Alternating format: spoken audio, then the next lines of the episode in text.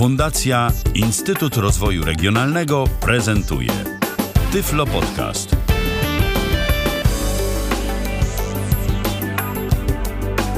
A skoro minęła godzina 19, to oznacza, że rozpoczynamy kolejne spotkanie na antenie Tyfloradia. Dziś w Mikołajki, 6 e, grudnia. E, taki prezent e, świąteczny od nas dla Was. Mikołajkowy prezent, bo będziemy rozmawiać o rzeczach wybitnie rozrywkowych, czyli będzie o grach, o grach audio. Podsumujemy sobie to, co działo się w mijającym już powoli 2016 roku na tym rynku. A z kim można by było rozmawiać o grach audio, jeżeli nie z Tomkiem Tworkiem, y, który y, zna się na tym, gra i grał i grać będzie w niejedną produkcję, no i jest z nami ponownie. Witaj Tomku. Witam serdecznie wszystkich. Dobry wieczór. No to tak pokrótce, na razie nie wdając się w szczegóły, y, jak oceniasz ten rok 2016 z perspektywy gracza audio? Było fajnie, było słabo? Jak było? Było różnie, zależy kiedy. Były te słabsze momenty, ale były też te silniejsze i zdecydowanie o tych silniejszych chcę dzisiaj więcej opowiedzieć niż o tych słabszych. Z reguły o tych słabszych, e, no cóż, wolelibyśmy nie mówić, ja też wolę nie mówić, aczkolwiek coś wspomnę, bo jednak trzeba podkreślić pewne e, słabe strony tego roku. No cóż, e, byłoby zbyt kolorowo, żeby takie słabe strony się nie pojawiły, no ale nie wymagajmy zbyt dużo. Na szczęście w tym roku sporo, chociaż może to duże słowo, ale jak na scenę gier audio to naprawdę chyba pasuje.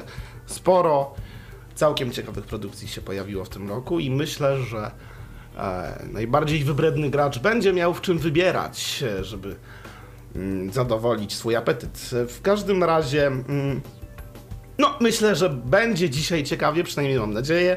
E, oczywiście jeśli o czymś bym zapomniał, to mam nadzieję, że nasi słuchacze będą tutaj przypominać. mam nadzieję, że jednak nie. W każdym razie działo się no dość sporo. Dość I sporo. jeszcze a propos słuchaczy, to oczywiście dodam, że nasz Skype jest do waszej dyspozycji. Jeżeli macie ochotę się z nami skontaktować, zapraszam tyflopodcast.net, piszemy tyflopodcast.net. Jeżeli jeszcze nie macie nas w swoich kontaktach, to gorąco zachęcam do tego, żeby nas dodać. Wyszukujecie sobie tyflopodcast.net, znajduje wam taki kontakt, który nazywa się pierwszy podcast, y, polski podcast dla niewidomych. No i dodajecie sobie nas i możecie z nami rozmawiać. Y, albo pisać do nas też możecie, bo będziemy tam co jakiś czas zaglądać również na te okienka czatowe, żeby sprawdzić, co ciekawego kto do nas y, napisał i o czym. Przed audycją wynotowałem sobie tak hasłowo kilka produkcji, o których będziemy dziś mówić, które powstały w tym roku. No i ja będę czytał hasło hasła, ty będziesz o nich opowiadał, ja postaram się także to i owo dorzucić, bo miałem okazję w kilka z nich zagrać. Zaczynamy od produkcji, która już jest na naszej stronie y, w formie podcastu. Można sobie posłuchać, jak też y, grać w tę grę, a przynajmniej w pewne elementy tej gry, bo chyba nie sposób było opisać całego Crazy Party w formie jednej audycji, prawda? E, nie, nie bardzo. Materiału całkiem sporo i myślę, że gdybym miał to opisać nawiasem mówiąc zresztą, co nie miałoby większego sensu, e, to jeden podcast w zupełności by nie, by nie wystarczył, nawet 3 godziny, więc musiałem to rozbić naprawdę na no, kilka ładnych podcastów. Ale to nie jakby, wiadomo, nie o to w tym chodzi, żeby e, całość opisać, rozpisać i jeszcze dodatkowo przedstawić na talerzu, bo wtedy cały smak znika. Wiadomo. E, pokazałem w tym podcaście, mam nadzieję, że się oczywiście spodoba, pokazałem najważniejsze aspekty, a przynajmniej starałem się mm, pokazać tą grę od każdej z możliwych stron, przynajmniej po łebkach w miarę, nie zagłębiając się już w dalsze aspekty. W każdym razie e, powiem szczerze, że przy nagrywaniu tego podcasta mm, miałem pewien problem, to znaczy problem mm, pod tytułem Chciałem dużo pokazać. E, pokazałem może troszkę mniej niż dużo, e, aczkolwiek naprawdę trudno było wybrać mi e, odpowiednie partie, odpowiednie momenty mm, z tej gry, takie, które pozwoliłyby naprawdę oddać ten klimat. Niemniej jednak mam nadzieję, że mi się to udało, mimo że słyszałem, że gdzieś tam nie pokazałem jakiś dokładniej, chociażby Battle Mode E, aczkolwiek, jak mówiłem, to też wymaga, nawet skusiłbym się o stwierdzenie osobnego podcastu, jeśli chodzi o sam Battle Mode i w ogóle o każdy z tych trybów, który w e, swoim um, wykonaniu no, jest, można powiedzieć, tak naprawdę czymś zgoła odmiennym, osobnym. No dobrze, Tomku, ale właściwie czym jest Crazy Party? Dla tych, którzy nie słuchali właśnie podcastu. tak, właśnie może y, tak powinniśmy od tego w zasadzie zacząć, no ale że zaczęliśmy od czegoś innego, to w, w zasadzie można przejść z tego, czym jest. A nuż właśnie Crazy Party to produkt, produkt um, stworzony przez Francuza ukrywającego się pod takim tajemniczym nikiem Pragma Pragma.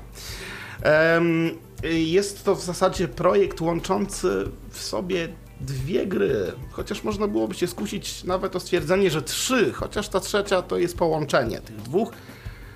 Um, I jest to połączenie, które mm, na początku wywołało szok, jeśli o mnie chodzi, bo to coś zupełnie nowego, co mm, jeszcze nie zdarzało się na naszej skromnej e, scenie gier audio i co na pewno zasługuje na uwagę i na docenienie mm, pomysłowości. Ano ten projekt składa się, jak mówiłem, z dwóch osobnych, powiedzmy, gier, które to y, cechują się tym, że jedna z nich to, nazwijmy to zestaw minigierek, w których gracz ma za zadanie wykonywać różne, naprawdę różne rzeczy. Um, ty oczywiście w to grałeś, Michale, więc wiesz. Tak, wiem jaka tam jest o, rozpiętość. Y, od tak, chronienia kaczki przed deszczem, y, przez y, wybieranie odpowiedniej trasy, poruszania się jakiegoś samochodzika który do, do jedzie. zadań matematycznych, tak? Gdzie musimy na czas rozwiązywać zadania tak, matematyczne. Tak, tak. Dodawanie, odejmowanie, mnożenie i dzielenie. Oczywiście, jak każdy wie. E, tak. I naprawdę jest cała rozpiętość te, tych różnych e, rzeczy, z którymi, z którymi przyjdzie Wam się zmierzyć, jeśli spróbujecie, a, e, a tych, którzy jeszcze nie spróbowali, bardzo e, do tego zachęcam. Mimo tego, że wszystkie te minigierki, wszystkie te zadania są podane tak naprawdę w bardzo prostej formie. E, w każdej grze niby robimy coś innego, aczkolwiek to wszystko jest bardzo proste do ogarnięcia, że tak się wyrażę. Co nie znaczy, Używamy... że prosto jest zdobyć 20 punktów, które w danej grze zazwyczaj jest maksimum. A tak, pomijając właśnie te, w których to maksimum nie jest, a wtedy można się wykazać. Oj tak. Tak, nawiasem mówiąc, słyszałem, że ktoś zdobył w matematycznych zadaniach ponad 150 o, punktów. Gratulujemy I tutaj szczerze. Gratulujemy wszystkim tym, którym się to udało. ja e, osobiście powiem, że matematyczne gierki w Crazy Party u mnie kończą się wciśnięciem i przytrzymaniem klawisza J. Tak zwany Joker. Tak, e, pozwalający na ominięcie danej gry, to znaczy nie zagranie w nią. Aczkolwiek y, powiedziałem, że jest też drugi tryb. Oczywiście, Battle Mode. Jest to tak naprawdę osobna gra, można ją najprościej nazwać karcianką, ale nie, nie, nie, nie, nie. Zanim zaczniecie myśleć o karciance, od razu powiem, że to wcale nie jest taka karcianka, jaką możecie mieć na myśli. To nie jest Thousand Miles, to nie jest Uno, to nie są wszelkie inne karty pokero podobne, e, czy coś w tym stylu, w co mogliście grać na RS Gamesie, czy e, na Playroomie od Quentina. Absolutnie nie. To karcianka z zupełnie innej bajki i bardzo wzorowana na, można byłoby powiedzieć, bajkach, czyli na anime. W większości, bo to tam, e, czyli w e, kraju kwitnącej wiśni, tak naprawdę zapoczątkowało e, mm, ten trend został zapoczątkowany i, i, te właśnie karciane rzeczy, w których to postać, tudzież grupa postaci walczą między sobą używając kart, które to mają wszelakie różne statusy. Od y, ofensywnych po defensywne, tudzież jeszcze kilka innych dodatkowych. Więc można powiedzieć, że to karcianka, w której tak naprawdę chodzi o walkę. Więc wyobraźcie sobie, że na przykład zadajecie komuś cios, rzucając w niego ognistą kulą. A ta ognista kula to oczywiście jest konkretna karta, którą musicie wyłożyć. Więc tym charakteryzuje się Battle Mode, który oczywiście jest bardziej złożony, a tych kart do skompletowania, gdyż tam kompletujemy właśnie karty, z których układamy talie, w, w której tak naprawdę mm, możemy budować i mieszać sobie style, jeśli chodzi o, mm, o różne żywioły, tak, ogień, woda, e, e, czy, czy jeszcze wiele, wiele, wiele innych. Oczywiście y, nie muszę tutaj dodawać, że każda inna karta, tudzież zestaw kart Ma różny ma- wpływ. ma różny wpływ, dokładnie. Różny wpływ na różne inne zestawy. Wiadomo, że ogień i woda na siebie będą miały wpływ, ale ogień na ogień.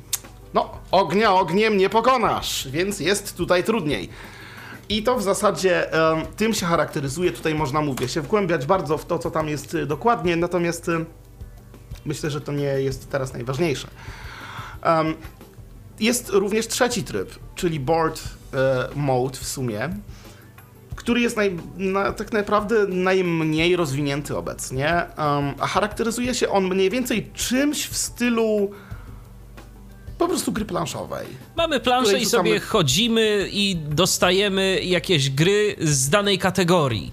Bardzo często. Dokładnie. Rzucamy kostką i tyle oczek, ile wyrzucimy, o tyle pól przesunie się nasza postać. Więc możemy natrafić na monety, możemy stracić monety na danym polu, ale możemy też wylosować jakąś minigierkę. Dlaczego najsłabiej rozwiniętym mówię? A dlatego, że no niestety najmniej tam się dzieje i mam nadzieję, że twórca y, jednak weźmie to pod lupę bardziej i postara się postara się jakoś zainwestować swój czas i całkiem imponujące jak dla mnie y, umiejętności, chociaż tutaj pomysłowość wychodzi jednak na pierwszy plan. Bo gra, jak mówiłem, jest dość, prosta, natomiast pomysłowość e, wylewa się z niej litrami. I to jest w tym najpiękniejsze. Mam nadzieję właśnie, że ten tryb będzie rozwinięty, e, jak i trochę innych też rzeczy, o których tutaj powiedziałem mm, w podcaście. E, w każdym razie beta obecnie mm, znajduje się w fazie, znaczy gra znajduje się w fazie beta, co jest y, hmm, dość może zaskakujące, a może szokujące, bo mamy teraz obecnie betę 44 E, i szczerze powiem, że jeśli to jest beta, jeśli oczywiście doczekamy się kiedyś wersji, która będzie miała pełno, pełnoprawny numerek 1.0, to zastanawiam się, Ciekawe, co, co tam będzie za będzie. wersja. Tak. Powiem wam szczerze, że w obecnej becie i nawet w tych wcześniejszych e, jest sporo. I można się bawić i to do upadłego. I dodając jeszcze jedną bardzo istotną rzecz, tak, Crazy Party, proszę Państwa, zawiera multiplayer.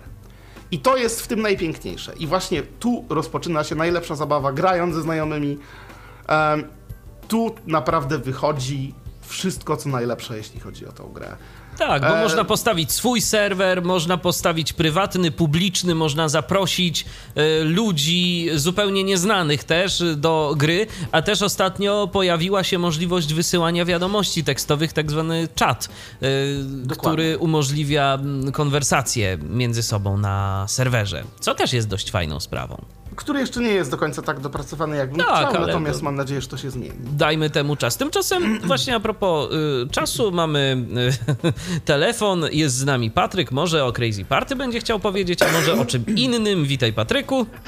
Witam, witam Cię Lirinie, witam wszystkich słuchaczy, Michale Ciebie też jako prowadzącego. No, chciałem tutaj powiedzieć właśnie też o Crazy Party głównie.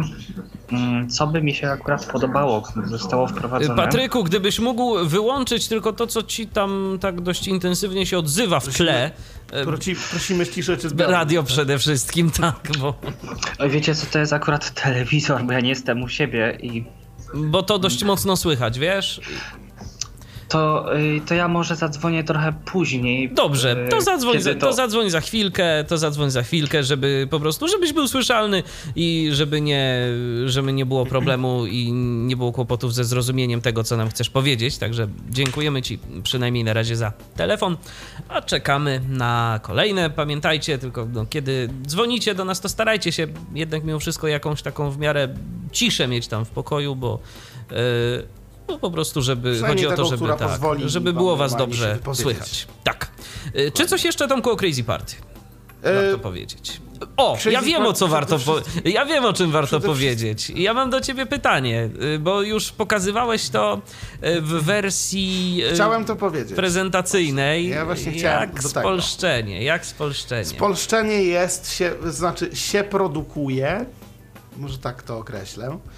E, ostatnio troszkę stanęło w martwym punkcie, ale to za sprawą tego, że albo czas, albo, albo no też y, nie każdy z y, teamu jakoś może się razem zgadać i nad tym usiąść. usiąść. Natomiast e, spolszczenie ma się dobrze i mam nadzieję, że uda nam się to zrobić jak najszybciej jest to możliwe. Natomiast nie wszyscy są zawsze aktywni, a sam wiesz jak to z tym bywa i no... E, No niestety, em, co mogę powiedzieć więcej? Nie chcę, nie chcę podawać dat, na pewno, bo, bo jakby nie chcę tutaj podać daty, a potem się z niej nie wywiązać, e, to jakby oczywiste. E, Powiem tylko tyle, e, materiału jest sporo, uwierzcie mi na słowo. I tego materiału, przybywa. I tego materiału właśnie przybywa. Powiem wam, że ja zaczynałem tłumaczenie od pliku, który miał bodajże. em, to było kilka wersji temu i to był plik, który zaczynał od 100 kilobajtów. Em, I to wcale nie jest tak mało. No to nie jest mało, 100 kilobajtów To to, jest to, to, ileś to taka, kartek to ładnych. taka niewielka, dość chuda, ale jednak książka. Książeczka. Tak. A teraz jest już trochę więcej. Teraz chyba, jak pamiętam, to dochodzi tam do 130-40. No, E, się książeczka rozrasta. przybywa- Słuchajcie, no to jest y, sporo roboty. Em, ja y, z, z ludźmi, z którymi to robię, też robimy to zupełnie hobbystycznie, zupełnie mm, jakby po, po godzinach, że tak się wyrażę. E, I, I tutaj też, no mówię, nie chcę wam obiecywać mm, żadnych dat, natomiast to, co chcę powiedzieć na pewno to, że spolszczenie się pojawi. To, to, to, to, to, Ale tego może przy tej okazji, może przy tej okazji, jeżeli ktoś z naszych słuchaczy dobrze włada angielskim, Tak, bo to, tutaj jest wymagane. tak, to, to może chciałby pomóc. Jeśli ktoś posługuje się w stopniu bardzo dobrym e, językiem angielskim, zapraszam do kontaktu. Jeśli chciałby pomóc w tłumaczeniu, bardzo chętnie. E, Tutaj oczywiście no, prosiłbym, jeśli już przy tym jesteśmy, osoby, które faktycznie chcą się temu e, w miarę oddać. Ja oczywiście rozumiem, tak jak wszyscy z mojego zespołu, którzy tłumaczą, że każdy z nas ma s- na to mniej lub więcej czasu. W każdym razie osoby, które naprawdę chcą, chcą tego i, i, i wiedzą na co się piszą, tak? Tutaj zupełnie, e, zupełnie poważne propozycje. Więc jeśli ktoś jest zainteresowany, bardzo chętnie. Przyda nam się oczywiście każdy, kto tylko będzie chciał dołożyć jakąś taką małą cegiełkę do tego projektu, bo myślę, że warto. Myślę, że to jest świetny projekt. Tak, bo gra jest zdaję naprawdę sobie fajna. sprawę, Zdaję sobie sprawę z tego, mm, że no, nie każdy mm, jakby włada tym angielskim. I no, dla niektórych to może być pewna bariera i, może być to coś, e, co będzie jednak sprawiało, że ta gra no, nie będzie aż tak y, przyjemna, jak mogłaby być, jeśli każde słowo byłoby normalnie zrozumiane, bez potrzeby wyjaśniania przez kogo innego wszystkich rzeczy krok po kroku, bo tak też się zdarzało i Właśnie dlatego to robimy. Właśnie dlatego to robimy, żeby y, wszyscy, którzy z angielskim jakoś no, nie są za pan brat z tego czy innego powodu, mogły spokojnie cieszyć się rozgrywką. Jakby nie nie zastanawiając się nad tym. A gra jest naprawdę fajna i także y, spokojnie mogą w nią grać najmłodsi. Bo Oczywiście. większość tych gier to, to są takie naprawdę bardzo przyjazne rzeczy. No gdzieś tam może powiedzmy chodzące te zombiaki to takie Ale to może być przerażające wersji, dla niektórych, ale wersji, tak, ale to nie jest jakieś, bardziej, jakieś e, straszne. Nie, to nie jest brutalne w żaden sposób, to raczej jest, jest e, w takiej wersji łagodnej bardzo, więc nawet jakieś zombie, czy, czy zabijanie duchów, czy coś tam, to wszystko jest takie mm, naprawdę... Takie łagodne, Mm. tak, tak. Takie, że tam powiedzmy dziecko nawet kilkuletnie nie powinno e, jakoś Tak. e, ucierpieć na tym bardzo, bardzo mocno. Nie, nie. Tak, a tam jest jakaś... Gra dla każdego. Gra dla każdego, absolutnie. y, To tak jak w nazwie, słuchajcie, jest Crazy Party, czyli gra typowo imprezowa, gra typowo, nie wiem, rodzinna, typowo taka, że można, y, y, no mówię, jak to nawet przez internet jest y, z przyjaciółmi, czy w ogóle z ludźmi. Po- Powiem wam tyle, no Michał myślę, że ma podobne zdanie na ten temat. Em, Ja się świetnie bawię. Ja I też. Powiem wam, że mi, mi nie sprawia już jakby żadnej frajdy granie w single player, w sensie w, w pojedynkę. E, granie w pojedynkę to dla mnie było, żeby odblokować jakieś minigry, żeby sobie to przejść, żeby coś tam. A teraz jakby to już w ogóle nie, nie ma dla mnie mm, sensu i jeśli gram w Crazy Party, to gram w multiplayer, bo to jest cała esencja tej gry. Prosto. Ja powiem szczerze, ja się zatrzymałem na odblokowanych iluś tam grach i nawet y, nie mam y, kiedy odblokować sobie całej reszty, bo zawsze wśród nas y, znajdzie się ktoś, y, kto y, ma, Ma odblokowane niemal wszystko, wszystko. Bo jeszcze dodajmy, że aby postawić serwer z odpowiednią liczbą gier, to znaczy z większą liczbą gier, to trzeba je mieć odblokowane. Jeżeli nie odblokujemy sobie tych gier, no to po prostu nie możemy ich hostować jako mm, Znaczy, ktoś, w kto ogóle robi zaczynając serwer. od, od tego, że w ogóle, żeby zacząć móc hostować, e, to trzeba mieć odblokowane ileś na wstępie. A pamiętasz jak to jest? Ile? Mm, nie, nie pamiętam. Nie, mam- nie mam pojęcia. Może wiem, powiedzmy też. dwa światy, ale może kilka- powiedzmy kilka też, y, że aby w ogóle odblokować daną grę, to trzeba uzyskać w niej co najmniej 10 punktów. Tak. I to się tyczy każdej. Bez wyjątku. Tak. A niektóre gry zaczynają nam się liczyć od minus 20. Dokładnie. Więc to, więc to nie zawsze jest proste. No nie, nie jest to proste, zwłaszcza jeśli ktoś, no... Dopiero zaczyna. Dajmy na to w tym, w czym ja, czyli w matematyce. W matematyce. I zazwyczaj kończy na minus Iluś no, Przy punktach. dobrych układach minus tam 5, 10. No. No. Dobrze, Patryk do nas dzwoni i miejmy nadzieję, że już teraz jest wszystko w porządku. Patryku, słuchamy. Mm, Tak, witam. No tyle na ile ciszy udało mi się załatwić, tyle załatwiłem. Super. E, Ja chciałem powiedzieć w ten sposób. Jak ja pierwszy raz zobaczyłem to Crazy Party, to sobie powiedziałem ojejku, aż sobie normalnie musiałem tak normalnie stwierdziłem, że to jest, że ta gra to jest zjawisko i jak ja usiadłem i się wciągnąłem, tak powiem szczerze, że tak powiem szczerze, że naprawdę najbardziej mnie wciągnął Battle Mode, bo to jest, to jest tryb, który po prostu mi się spodobał najbardziej z tego wszystkiego. A to Ja ja go każdy chyba- ma tu odmienne zdanie.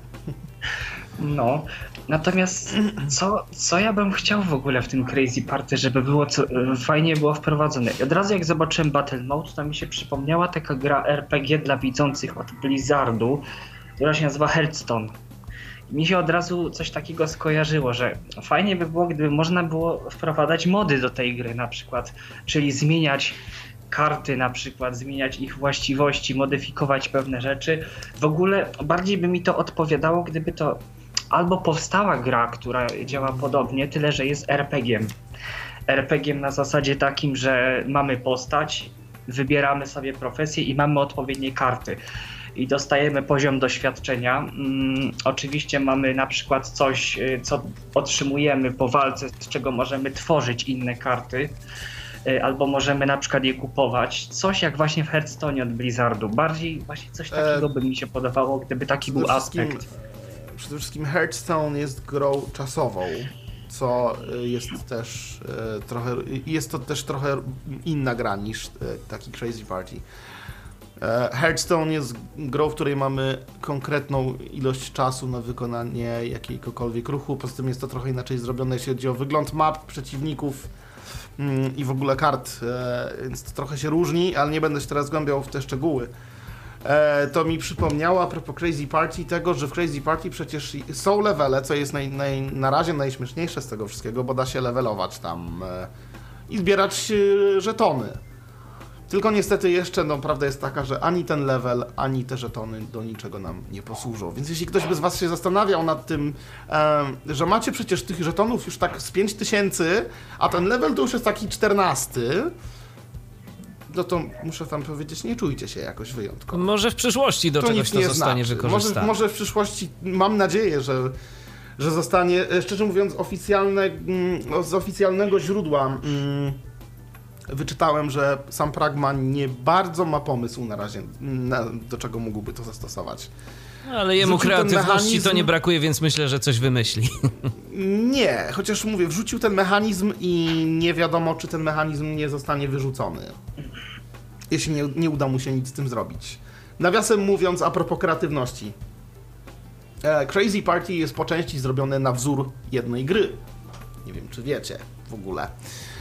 Crazy Party jest tworzone, to tak w ramach ciekawostek. jest stworzone tak naprawdę na wzór gry Mario Party z konsoli Nintendo. E, Mario Party to seria gier o jakże popularnym mm, bohaterze gier. E, I polega ona w zasadzie na tym samym.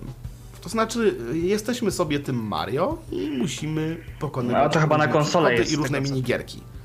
Tak, to jest na różne konsole Nintendo, od chyba GameCube'a przez Wii i tak. tak dalej, i tak dalej. Tak, bo wiem. E, I to zostało zrobione tak naprawdę na bazie tego. Oczywiście te, te minigierki, które są w Crazy Party są mniej lub bardziej wzięte stamtąd, chociaż raczej mniej, bo to wszystko jest z tego co widziałem oryginalne. Tak samo jak muzyka, którą słyszycie w Crazy Party jest brana z tych właśnie klasyków różnych. Z gier z Nintendo, z klasycznych gier z Nintendo, bo właśnie ona tak brzmi. Brzmi czasem 8-bitowo, czasem 16-bitowo.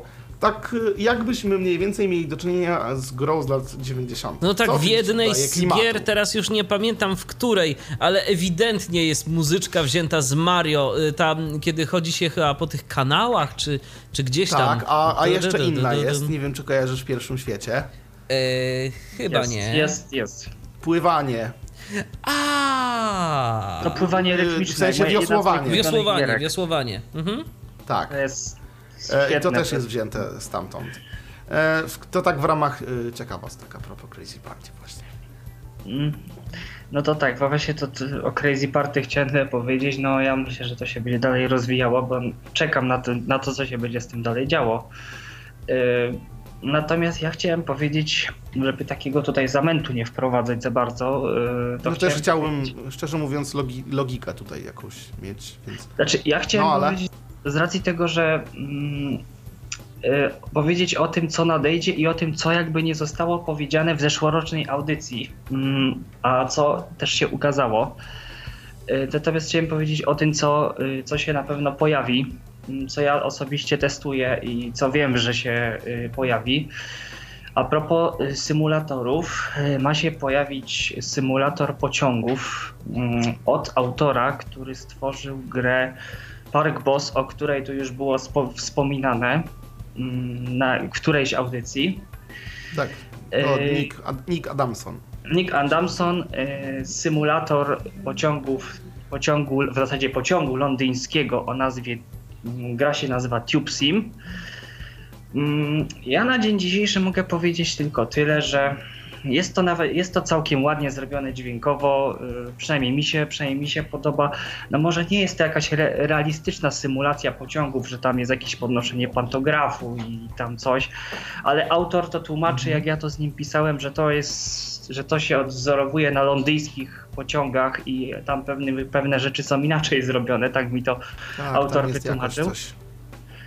Mm, Natomiast powiem szczerze, że już to jest bardzo ładnie, bo mamy pasażerów, którzy wsiadają do pociągu. Możemy O, sobie sprawdzić ich, ich stan, bo to ostatnio wyszło. I w zasadzie, y, mówiąc szczerze, z tego co wiem od autora, to myślę, że do miesiąca powinna ukazać się wersja RC, czyli taka wersja już podchodząca pod stabilną i myślę, że gdzieś do dwóch miesięcy powinniśmy otrzymać wersję stabilną tego symulatora. Symulator ma być darmowy, także mm, Em, tak, słyszałem o tym, słyszałem o tym symulatorze. Mm, Natomiast ja tego nie testuję, więc tutaj dobrze, że wspominasz o tym akurat. To czyli kolejny symulator, bardzo ładnie. tak, kolejny E, coś symulator Obrodziło w tym roku, obrodziło. obrodziło. E, obrodziło. W, w każdym razie w każdym razie bardzo dobrze, że coś takiego powstaje i, i no ja bardzo chętnie Mm. bardzo chętnie się tym, że tak powiem, zajmę, jeśli to się ukaże. No, jedna rzecz, która mi się nie podoba w grach Nika Adamsona, niestety, to jest tylko to, że to wszystko jest self-voiced i on nagrywa te sample. E, Mi, te, tutaj... mi też, to znaczy ja mu zgłosiłem, ja mu zgłosiłem Mhm. jedną rzecz bardzo fajną, bo tam jest tak zwany tryb szkoleniowy. I ja powiedziałem, że no nie każdy rozumie angielski tak precyzyjnie, żeby jednak te szkolenie o tym, jak jeździć pociągiem, było w plikach tekstowych. Była w plikach tekstowych. I autor powiedział, że on to zrobi. Także zobaczymy. Mhm. Yy, Także to zgłosiłem i przynajmniej ten tryb tekstowy powiedziałem, żeby był ten tutorial właśnie jako tekst, żeby można było sobie tłumaczyć, ewentualnie kopiować. i żeby to było i autorowi się ten pomysł spodobał, E, także... tylko ja mam takie pytanie odnośnie tutaj a propos tego symulatora. Co wiesz na Mhm. temat długości tej gry? Czy to ma być jakieś y, sporawe, czy to raczej jest y, mniejszy projekt? Wiesz co, y, powiem szczerze, że mm, no te misje, które tam się robi, y, które są, które ja w zasadzie zrobiłem, mm, no nie jest to jakoś strasznie długo. I też, I też właśnie, no, no nie wiem, czy y, autor. A dobrze, że mi to podsunąłeś, wiesz, bo ja zapytam go w takim razie. Będzie co- dodawał po prostu content i czy to się będzie rozwijało? Tutaj jakby o to czy, czy, to, czy to będzie się rozwijało, czy tak jak z Sparrow Bossem, on wypuści jedną wersję? No dobrze, że mi to podsunąłeś, bo nie, nie, nie wpadłbym na to. Także ja się, ja się tego dowiem, także to jest jedna rzecz, która wyjdzie, natomiast ja też lubię powiedzieć o rzeczach, których nie warto mówić, a które niestety mam przyjemność testować, niestety.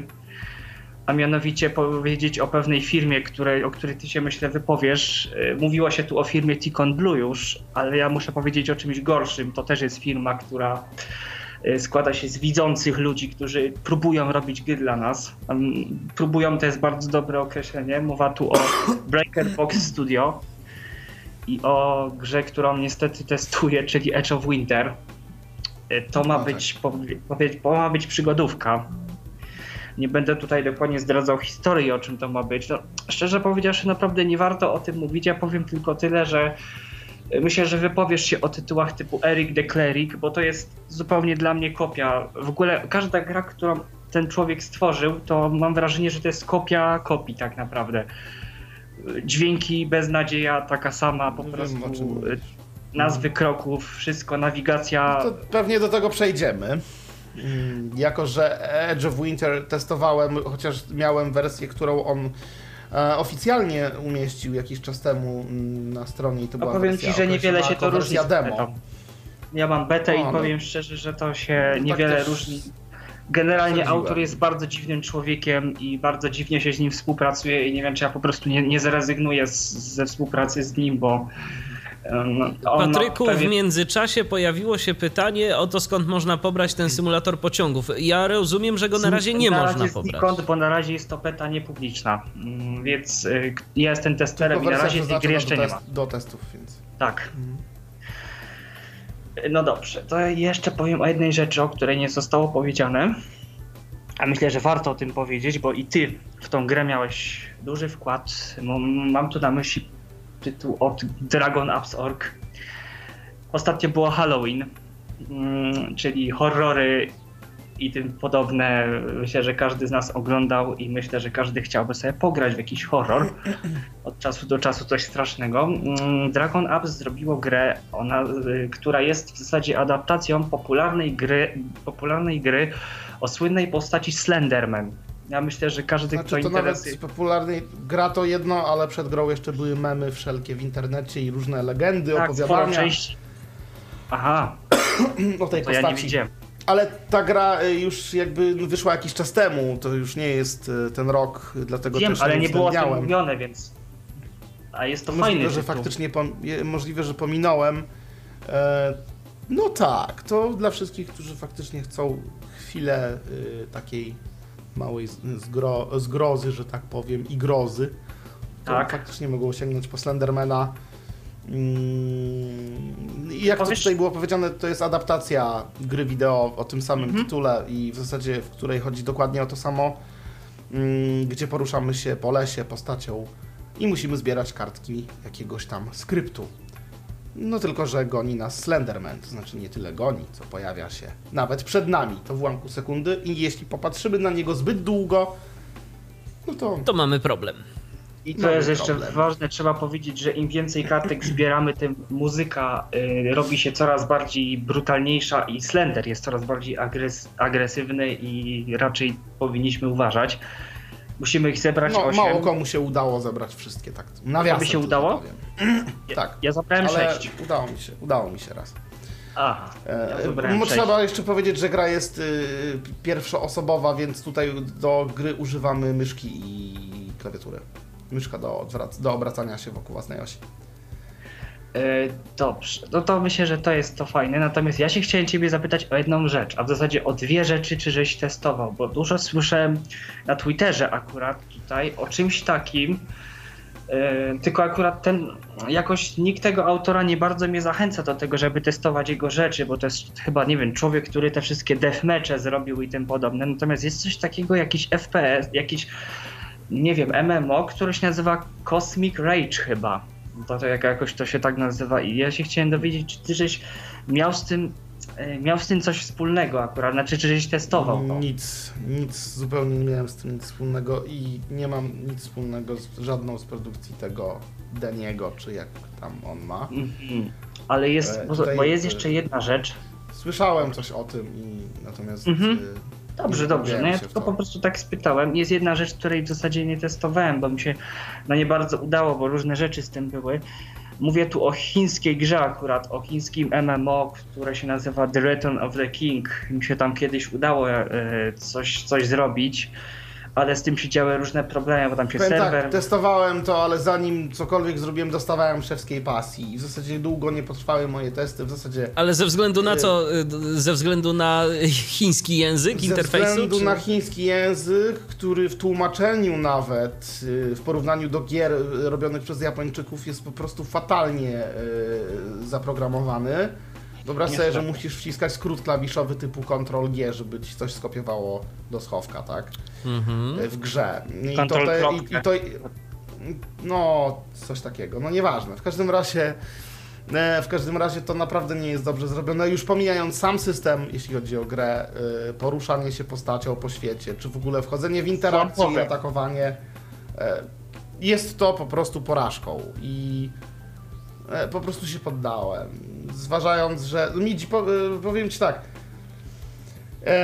Wyobraź sobie mm, Crazy Party, tak? I plansze, No. w, których, w których masz ścianę, ale wiesz, że za dwa, kroki, za dwa kroki w prawo w tej ścianie jest wyrwa i przejście. Wie, wiesz o czym mówię, prawda? No wiem. Ale ty oczywiście tego nie słyszysz. Ty, ty nie Aha. wiesz, że ona tam jest. Trzeba- Bo w tej grze trzeba tak wygląda wiedzieć. cały świat. Ojej, no to nie, to, to, to jeśli stoi budynek, jeśli stoi ściana, to ty musisz sprawdzać, gdzie to wszystko jest. Czy tam aby nie da się przejść? Czy tam aby się tak. I tak to mnie na, na tyle odrzuciło, że o ile w Crazy Party to jeszcze są malutkie mapy i to jeszcze można, no to grać w taką grę, która w zasadzie tak wygląda całościowo, No to nie. Absolutnie, To absolutnie. męczące po prostu. To jest coś nie jak. Inku- jak w Inquisitor Heartbeat, tak? To jest mniej więcej coś podobnego. Coś w tym stylu. Dobrze, Patryku, to czy jeszcze o jakichś grach y, byś chciał opowiedzieć? Coś Tu nowego? mamy teraz też myślę, trochę... Tak, bo mamy listę też, i wiesz. Mamy też już No trochę rzeczy. dlatego posłucham i ewentualnie napiszę, jeżeli o czymś nie było Dobra, jakby coś napisz, jeśli coś, natomiast my może przejdziemy za... Dobrze. To dziękuję bardzo. Dzięki za telefon, Dzięki. pozdrawiamy cię serdecznie. A jeżeli ktoś miałby ochotę jeszcze coś dorzucić, y, to zapraszamy.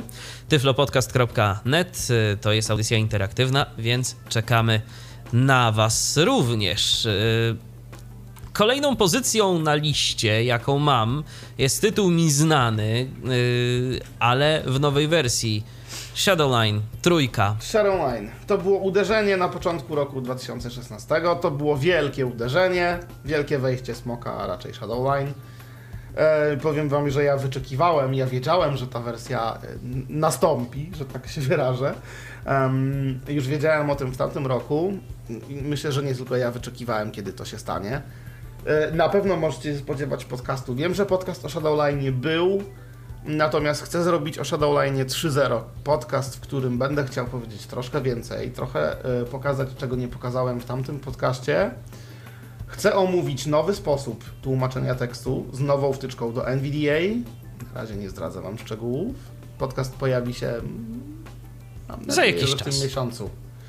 Zwłaszcza, że podcast y, myślę, że jutro już będzie sporządzony, więc y, myślę, że za niedługo się pojawi i będziecie mogli to sprawdzić.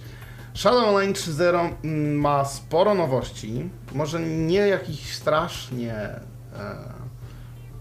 nowatorskich, jakichś, nie wiem, przełamujących wszelkie granice, natomiast ma e, wystarczająco dużo nowości, żeby żebym stwierdził, że przegrałem w tym roku znowu w Shadowline około 100 godzin. Tak. To jest y, tak mniej więcej. I powiem wam, nie nudziłem się ani chwili. Um, dodanych zostało sporo rzeczy, które można odblokować. Sporo y, takich w sensie, które są ukryte, tak zwanych y, w grach y, i w ogóle w, że tak powiem, języku i słowniku mm, gier wideo i nie wideo. Jak się okazuje, mm, sporo takich znajdziek, które są porozrzucane po świecie, poukrywane bardzo skrzętnie i bardzo dobrze, więc nagłowić się też można w poszukiwaniu tychże różnych przedmiotów. Powiem Wam szczerze, że mój wynik na razie maksymalny to 70% znalezionych wszystkich rzeczy na świecie. I uwierzcie mi, ja już nawet zacząłem rozpisywać mapę całego świata i jak się okazuje, no brakuje mi jeszcze 30 i naprawdę mm, były momenty, w których zastanawiałem się, no ale gdzie? Ale jak to? Przecież ja już wszystko sprawdziłem. Ja już wszystko przeszukałem, a mam 70%. To jest właśnie, mm, to są właśnie Japończycy i to mi się bardzo podoba, a że ja lubię eksplorację, to tym bardziej e, jest to coś niesamowitego. Przy okazji, jeśli ktoś słuchał y, podcasta, jeśli chodzi o Shadowline um, 2.0, tudzież te wersje 2X um, dalsze, który, który, też powstał właśnie jakiś czas temu, o którym mówiłem, e, lub grał w Shadowline'a, ten wie, że w Shadowline 2.0 i 2X Shadowline, e, to znaczy Last Hope, czyli miecz mm, główny w grze, mógł być wylewelowany tylko do konkretnego levela, e, bodajże do 20 chyba, e, co zostało podniesione, o ile mi wiadomo, do 99 w wersji 3.0. No to jest co levelować. Jest co levelować, mój jest na 26 i naprawdę uwierzcie mi, sporo tutaj to wszystko zajmuje. Poza tym, no cóż, Shadowline 3.0 mm, posiada trochę nowych materiałów, jeśli chodzi o takie nawet y, Tomku, miłe dodatki. Y, a tak w skrócie, y, jeżeli ktoś nie wie, czym jest w ogóle Shadowline, na czym ta gra polega? Dobra. Mm, Shadowline jest przedstawicielem gier action RPG z elementami tak, e, tak zwanego gatunku visual novel, o czym za moment. Action RPG jest e, tak naprawdę RPG-iem, który różni się od klasycznych RPGów, powiedzmy, a zwłaszcza z Japonii, czyli takich turn-based, czyli turowych RPGów. Tym, że właśnie mm, jeśli na przykład graliście w gry typu Entombed, to możecie sobie wyobrażać RPG jako coś w stylu chodzimy po mapie, a jeśli rozpoczynamy walkę, to mamy menu, z którego wybieramy konkretne opcje. Atak, jakiś tam magic, items, equipment itd. Tak Action RPG jest RPG, w którym cała walka i wszystko odbywa się, e, jeśli chodzi o no w ogóle całościowo, wszyściutko, jest w real time, czyli to jest wszystko mm, na żywo, bez żadnych tam tur czy odczekiwania, więc tutaj w dużym stopniu e, to od nas zależy, jak sobie poradzimy od naszych umiejętności. Wiadomo, że no tutaj to jest RPG, więc y, wpływamy na statystyki naszej postaci, wpływamy na naszą broń, y, jak jest skuteczna i to ma naprawdę ogromne znaczenie, ale nasze umiejętności również, reagowania w konkretnych sytuacjach, obierania strategii na konkretnych przeciwników, czy radzenia sobie z konkretną mapą, na której się znajdujemy. Bo my lokacją. w tej grze jesteśmy kim? W tej grze tak naprawdę ciężko powiedzieć, kim się jest. E, rozpoczynając grę tworzymy postać, mm, to znaczy nadajemy jej imię w zasadzie i to jest wszystko, co robimy, jeśli chodzi o naszą postać. Natomiast z samej fabuły dowiadujemy się, że zostaliśmy mm, sprowadzeni do świata e, Kareshi, w sensie Kareshia, to nazwa świata, do którego zostaliśmy przyzwani mm, i trafiamy do świątyni e, w, który, w której to dowiadujemy się, że potrzebuje, yy, potrzebują naszej pomocy, gdyż no niestety ten świat jest zagrożony i tylko my jesteśmy w stanie pomóc. Także jesteśmy postacią, która to. Yy, Ma szansę stać się chyba, bohaterem. Tak, i w zasadzie jest to tak. Fabuła jest tak skonstruowana, że w zasadzie nasza główna postać jest wykreowana trochę tak, jakbyśmy to by, my byli tą postacią. Dlatego, że większość ważniejszych rzeczy to postacie, z którymi my przemierzamy świat, bo oczywiście nie jesteśmy w tej grze sami.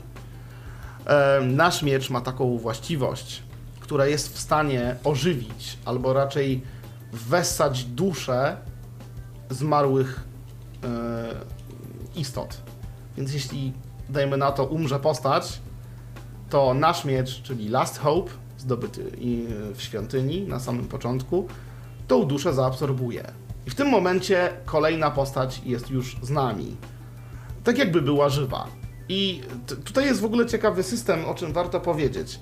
E, bo możemy kierować wszystkimi postaciami, które, y, że tak powiem, znajdują się w naszej drużynie. Tylko, że system ten jest bardzo sprytnie rozwiązany. Możemy się po prostu między tymi postaciami przełączać. I co jest jeszcze ciekawsze, to to, że każda postać ma swoje umiejętności. Swoje umiejętności, bez których nie zrobimy pewnych rzeczy. Nasza główna postać, czyli ten główny bohater, którego stworzymy, jest postacią, która w zasadzie może atakować. I tyle. No oczywiście poruszać się, wiadomo, wchodzić w interakcję z, z, z obiektami dookoła, ale to tak jak każda postać. Natomiast posiada tylko atak i nic więcej. Natomiast y, dla przykładu Ilia, y, czyli y, Lilia, którą zdobywamy no, w danym momencie gry, atakować już nie potrafi, ale potrafi skakać, a nawet powiedzmy sobie, to nie jest do końca skakanie, tylko takie szybowanie przez jakąś chwilę w powietrzu. Oczywiście, jak możecie się domyśleć, z każdym levelem, bo tam każdą postać można levelować, w sensie każda z umiejętności postaci się leveluje, ona z, z, czasem szybuje coraz to dłużej, co oczywiście się przydaje. Więc wyobraźcie sobie sytuację, w której to mm, jesteście w sytuacji, w której macie tylko bohatera i nikogo innego, a tutaj pojawia się przepaść. Więc nie zrobicie nic. I musicie, jeśli możliwe, znaleźć drogę dookoła. Bo nie przeskoczycie sobie przez przepaść. Dajmy na to, żeby przejść na skróty. E, to samo tyczy się postaci, które potrafią pływać. E, I, I, można się w taki sposób dostać do sekretnych, tudzież ukrytych y, lokacji, albo po prostu przejść dalej, bo w innym wypadku, no niestety się nie uda. E, I to się tyczy do takich właśnie kilku sytuacji, co dodaje grze naprawdę dużo y, różnych rozwiązań, i to strategicznych, i po prostu ciekawych. Bo świat w tej grze jest, nazwijmy to, otwarty Możemy tam w zasadzie pójść prawie wszędzie. Znaczy, powiedziałbym w sumie może półotwarty, bo do końca to on nie jest właśnie otwarty przez te umiejętności i ich brak. Um, czyli od początku gry, jeśli nie śledzimy historii, jeśli jej nie zrozumiemy, co jest jednak istotne, możemy się pogubić w tym świecie, bo tam trzeba wiedzieć, gdzie pójść, co zrobić e, konkretnie. e, więc świat jest spory, tyle powiem. Naprawdę spory. A ta historia jest e, spisana i to wszystko jest w języku japońskim, tak? Tak. E, wszystko jest w języku japońskim. Tłumacz radzi sobie na tyle, że ja e, spokojnie jestem w stanie zrozumieć większość. Jeśli chodzi o fabułę. Są już... jakieś plany, a... podobnie jak z Bokurano, żeby ta gra się pojawiła już, po tak, angielsku? mówiąc. Już całe menu i system jest po angielsku i początek historii również. No to ambitnie. Plany są, e, plany już są, nawet mówię, zostało to wcielone w życie. Strona Shadowline'a oficjalna ma również swoją angielską wersję już, e, więc można spokojnie tam zajrzeć. Mm, co jest naprawdę, naprawdę istotne. E, więc myślę, że to będzie kolejny projekt, który zostanie przetłumaczony na angielski, bo warto. Chciałbym jeszcze tylko na chwilę wrócić do tego, co, do tego, co powiedziałem a propos visual novel. A no tak, to jest y, jakby, jakby drugi element tej gry. W tej grze jest jednak sporo dialogów, sporo tekstu. E, tu, tutaj kluczową rolę gra historia, w której bierzemy udział. Um, czym jest visual novel? Visual novel to oczywiście, hmm, jakby nie inaczej, gatunek gier, który został zapoczątkowany w Japonii. Um, tak naprawdę charakteryzuje się tym, że nie wymaga od użytkownika prawie nic.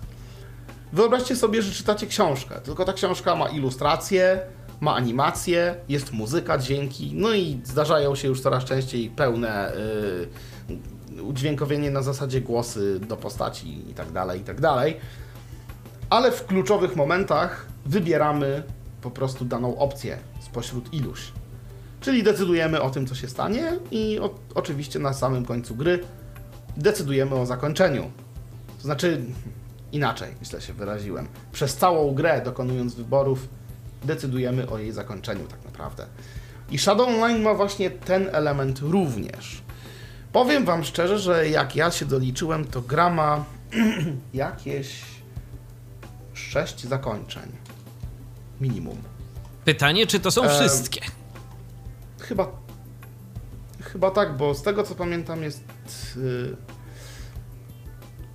mm, good ending, bad ending, true ending i jeszcze ze 3 do 3 postaci konkretnych.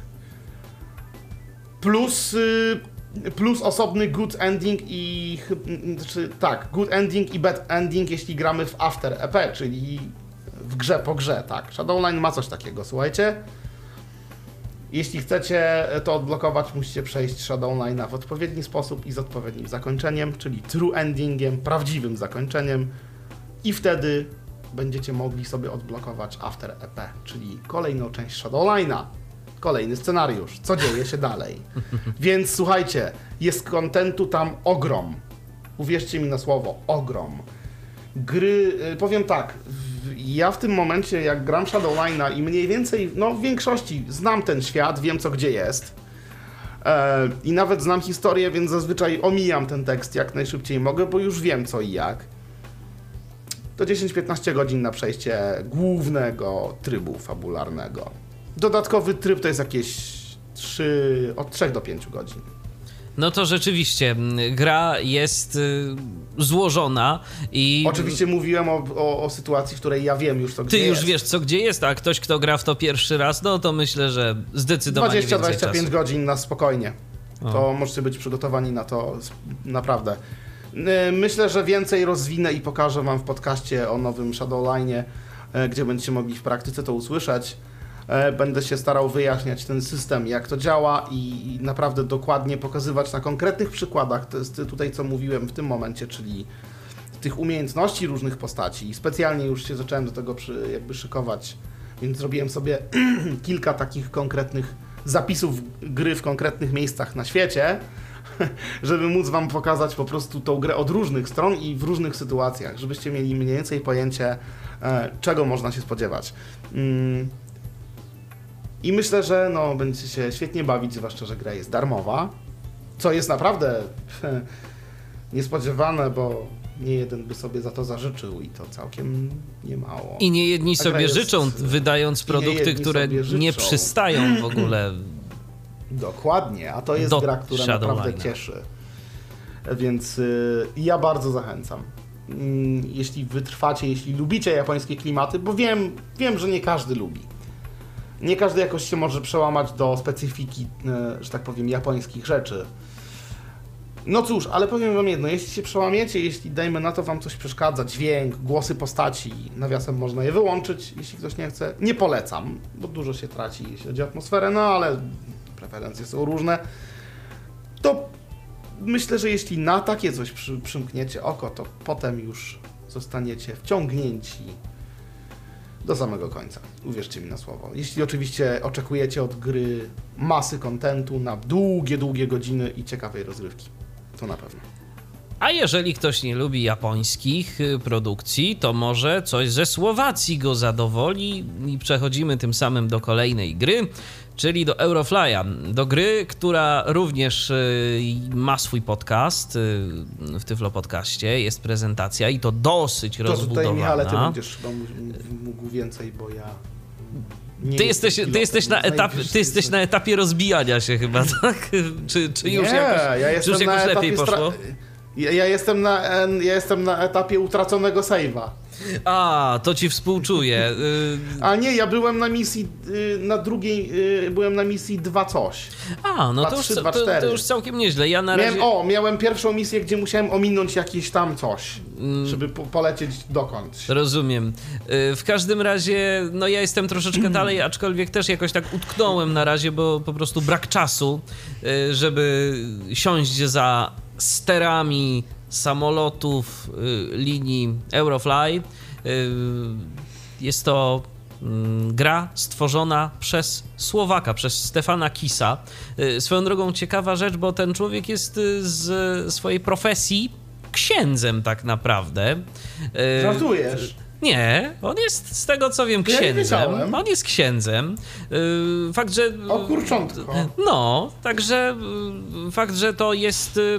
Y, Fakt, że to jest y, no, tam wyznanie, to nie, nie jest ksiądz katolicki, natomiast no, teraz nie pamiętam, która to dokładnie religia, w każdym razie jest kapłanem, y, zajmuje się takimi rzeczami religijnymi, no ale oprócz tego lubi sobie popisać różnego rodzaju programy i to już kilka popełnił, ma na swoim koncie różne programy, a tymczasem postanowił wziąć się za grę.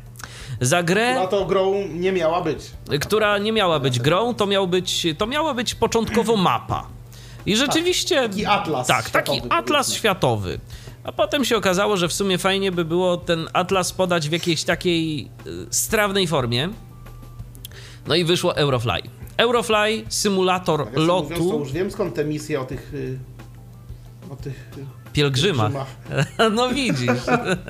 To już wszystko mi się poskładało, słuchaj. Tak, jest, jest jedna misja, w której Mhm. wieziemy pielgrzymów i to jeszcze, żeby było ciekawie, to z Polski. Y, Dokładnie. Tak, do, na To nie spotkanie z tego, Ojcem Świętym. Nie, nie, nie z tego, z, Nie, z z Polski. jakiego to ale z, Z, Pol- to z Warszawa, Kata- wys- y, startujemy bodajże z Warszawy, potem Katowice, Kraków albo Kraków, Katowice, no a później to już lecimy sobie do, Aha. do Rzymu y, na spotkanie z Ojcem Świętym. Natomiast y, co do samego Eurofly'a, mm, tu Patryk napisał przed chwileczką i rzeczywiście słuszna uwaga. Gra dostępna jest już w języku angielskim. Powstało mm, tłumaczenie tej gry na język angielski. E, Ja szczerze było. powiedziawszy, Poprawione jest to tłumaczenie już, bo miało pewne błędy. ja szczerze powiedziawszy, to i tak y, będę grał. Y, będę grał w y, grę w języku słowackim. Jakoś tak y, ma to klimat, moim skromnym zdaniem. No ja wolę jednak po angielsku, ale to No, to, no co za zastawienie letadlo. No, no właśnie i jakby tak już... To mnie przekonuje, żeby wybrać angielski. Nie, jakoś, jakoś mi się Oczywiście nie mam nic przeciwko słowackiemu czy Słowakom. Absolutnie. To jakby, żeby nie zostało źle odebrane. Po prostu bardziej rozumiem angielski. Rozumiem. No i akurat y, co jakiś czas mam do czynienia z klientami ze Słowacji, więc y, z Czech A, zresztą również. bardziej więc, jesteś y, Tak, tutaj więc- zbiegły w tym i przyzwyczajony. więc się przyzwyczaiłem. Nie to, żebym jakoś. Tam- doświadczeniem. Nie to, żebym jakoś tam bardzo rozumiał, ale, ale Ale jakoś. rozumiesz więcej ode mnie Tak, na pewno. ale jakoś dogadać się trzeba. No i co? Y, Latamy sobie, dostajemy różne misje. Dostajemy misje, w których y, mamy polecieć z punktu A do punktu B y, przez różnego rodzaju jeszcze międzylądowania. Mm, Zdarza się tak, że musimy omijać pewne kraje, nie możemy gdzieś wlecieć, albo musimy polecieć jakąś konkretną trasą. Im dalsze levele, tym jest trudniej.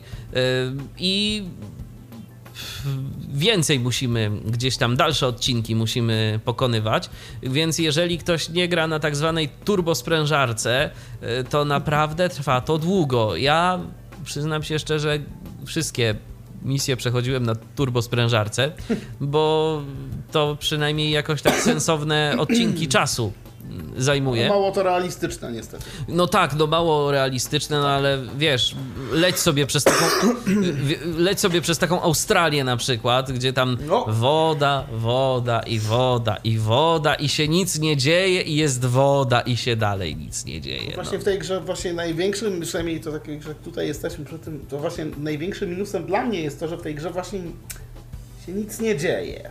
I to jest coś, co mnie bardzo...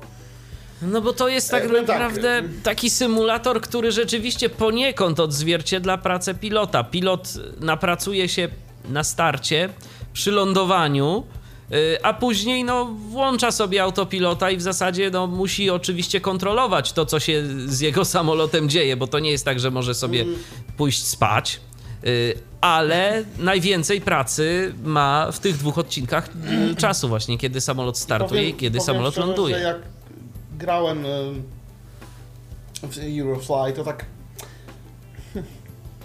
zrobiłem 3-4 misje i tak byłem bardzo znużony i to, to ja przynajmniej nie mogłem więcej. Musiałem sobie zrobić przerwę i to tak mnie bardzo, mm, nie wiem... A dlaczego mówię, że to, dlaczego mówię, że to taki minus? Wiesz Michał, to mogłoby być inaczej.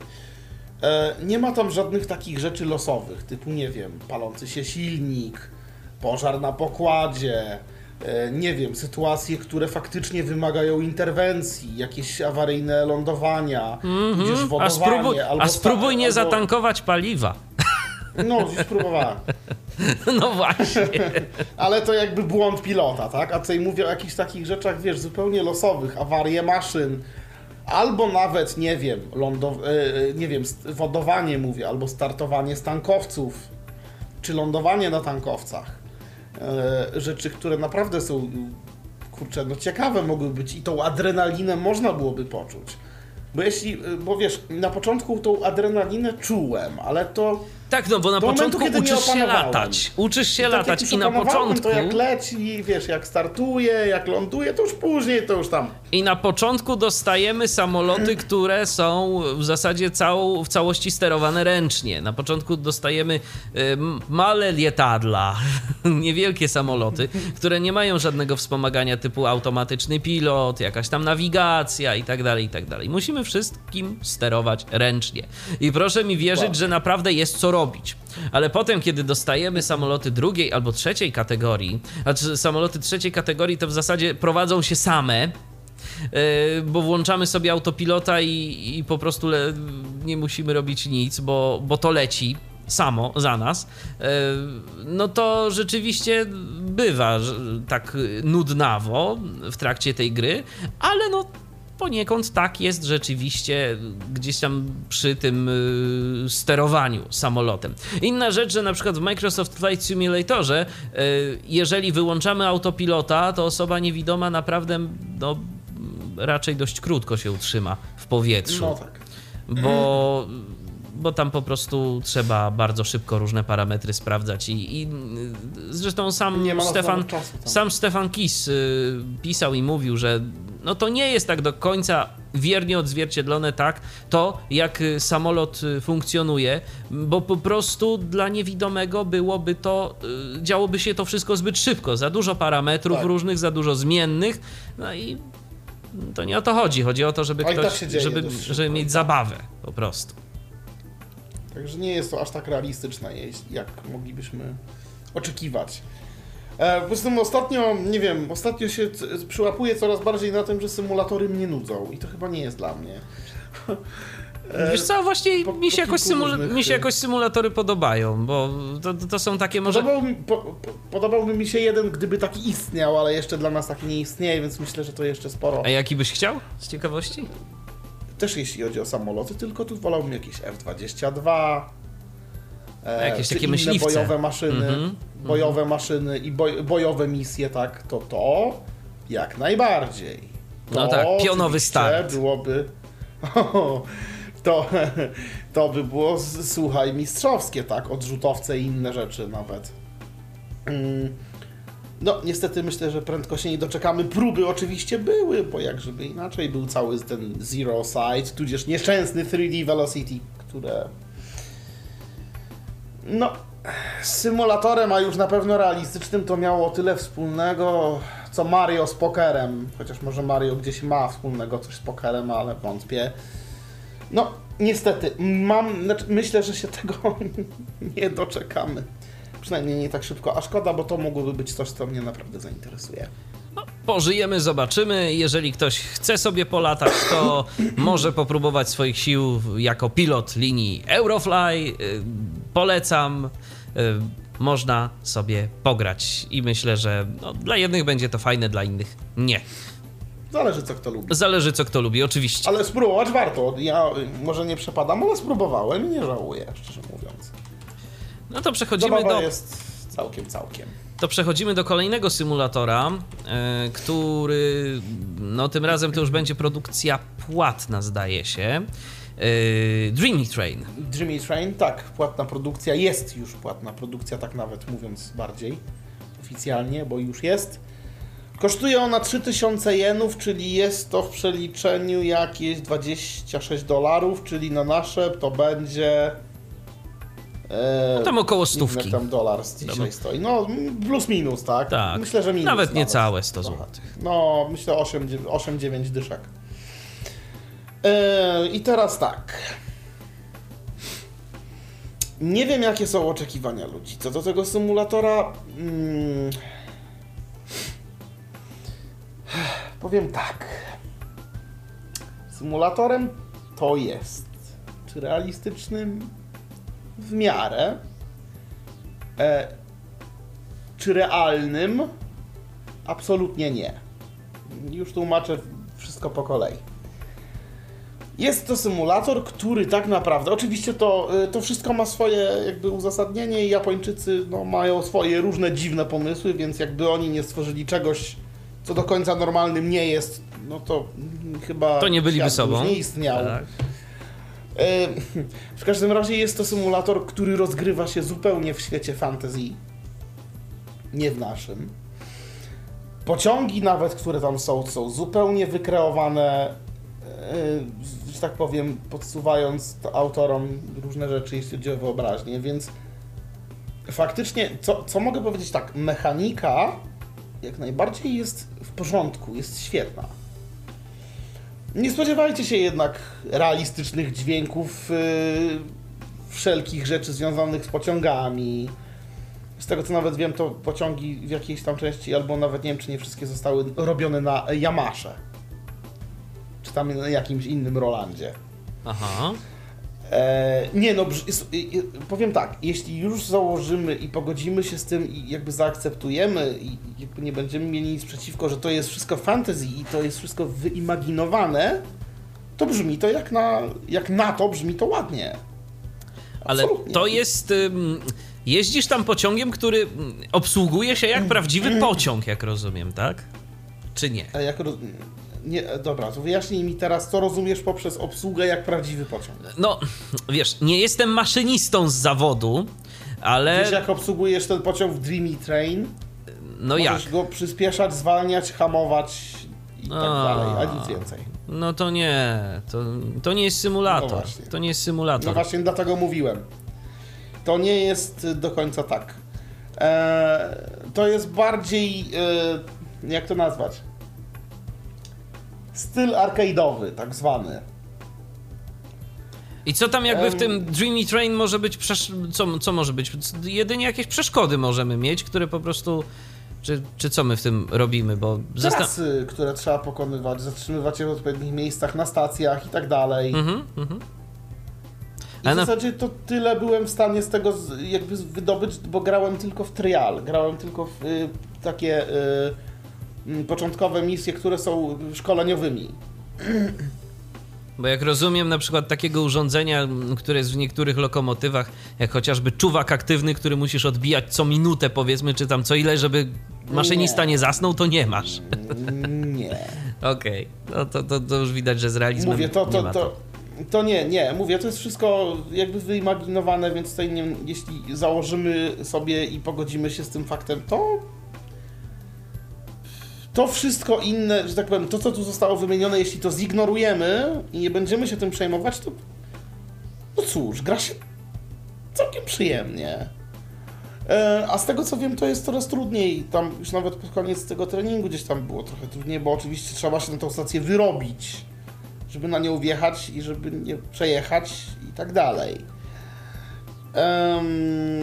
Z tego co wiem, a wiem to od y, naszego, mm, że tak powiem, kolejnego twórcy audiogier z Japonii, czyli od Yukio, e, że jednak tych kursów, misji jest sporo, bo chyba ponad setka. No to rzeczywiście sporo. Jest I w co na grać. pewno jest, na pewno jest zapowiedziane, a Yuki już to trochę gra i mówi, że dopiero jest gdzieś tam, nie wiem, zrobił tam 20-30 dopiero. Em, ale chyba jest koło setki, chyba tak. W każdym razie mm, z tego co autor MM zapowiedział, to od daty wydania gra będzie aktualizowana ciągle i to regularnie przez rok. No to skoro teraz już jest Te setka tras, to myślę, że może. Te update'y będą więcej. bardzo regularne z tego co wiem, e, więc myślę, że tu będzie dużo rzeczy, dużo się pojawi.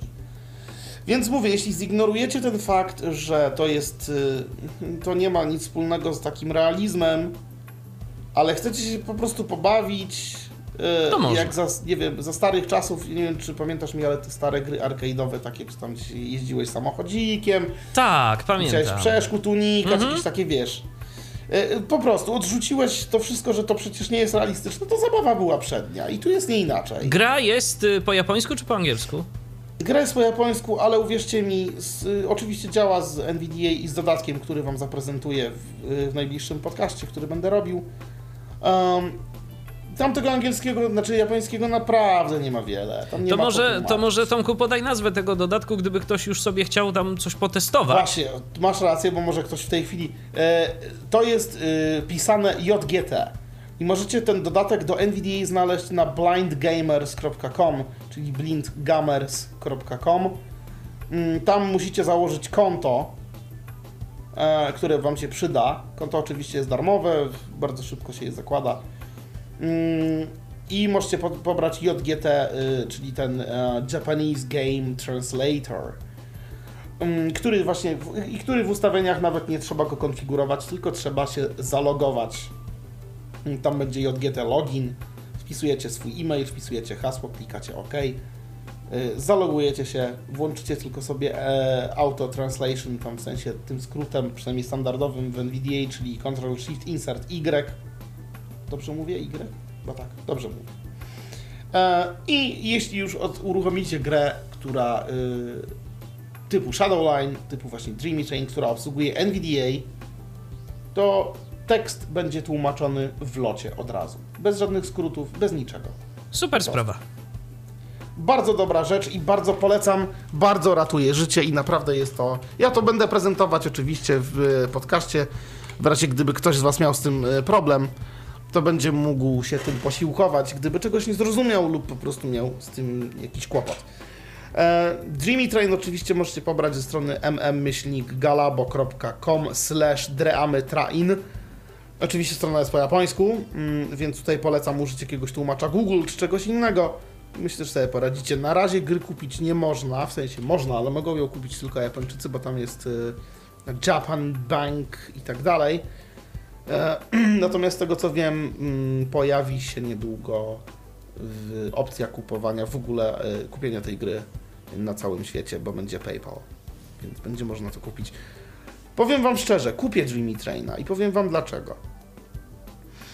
Kupię Dr- Dreamy Traina, bo mm, twórcy z, y, zasługują po prostu na wsparcie. Przede wszystkim z, y, przez to, co pokazali mi w poprzednich grach, czyli głównie w Shadowline.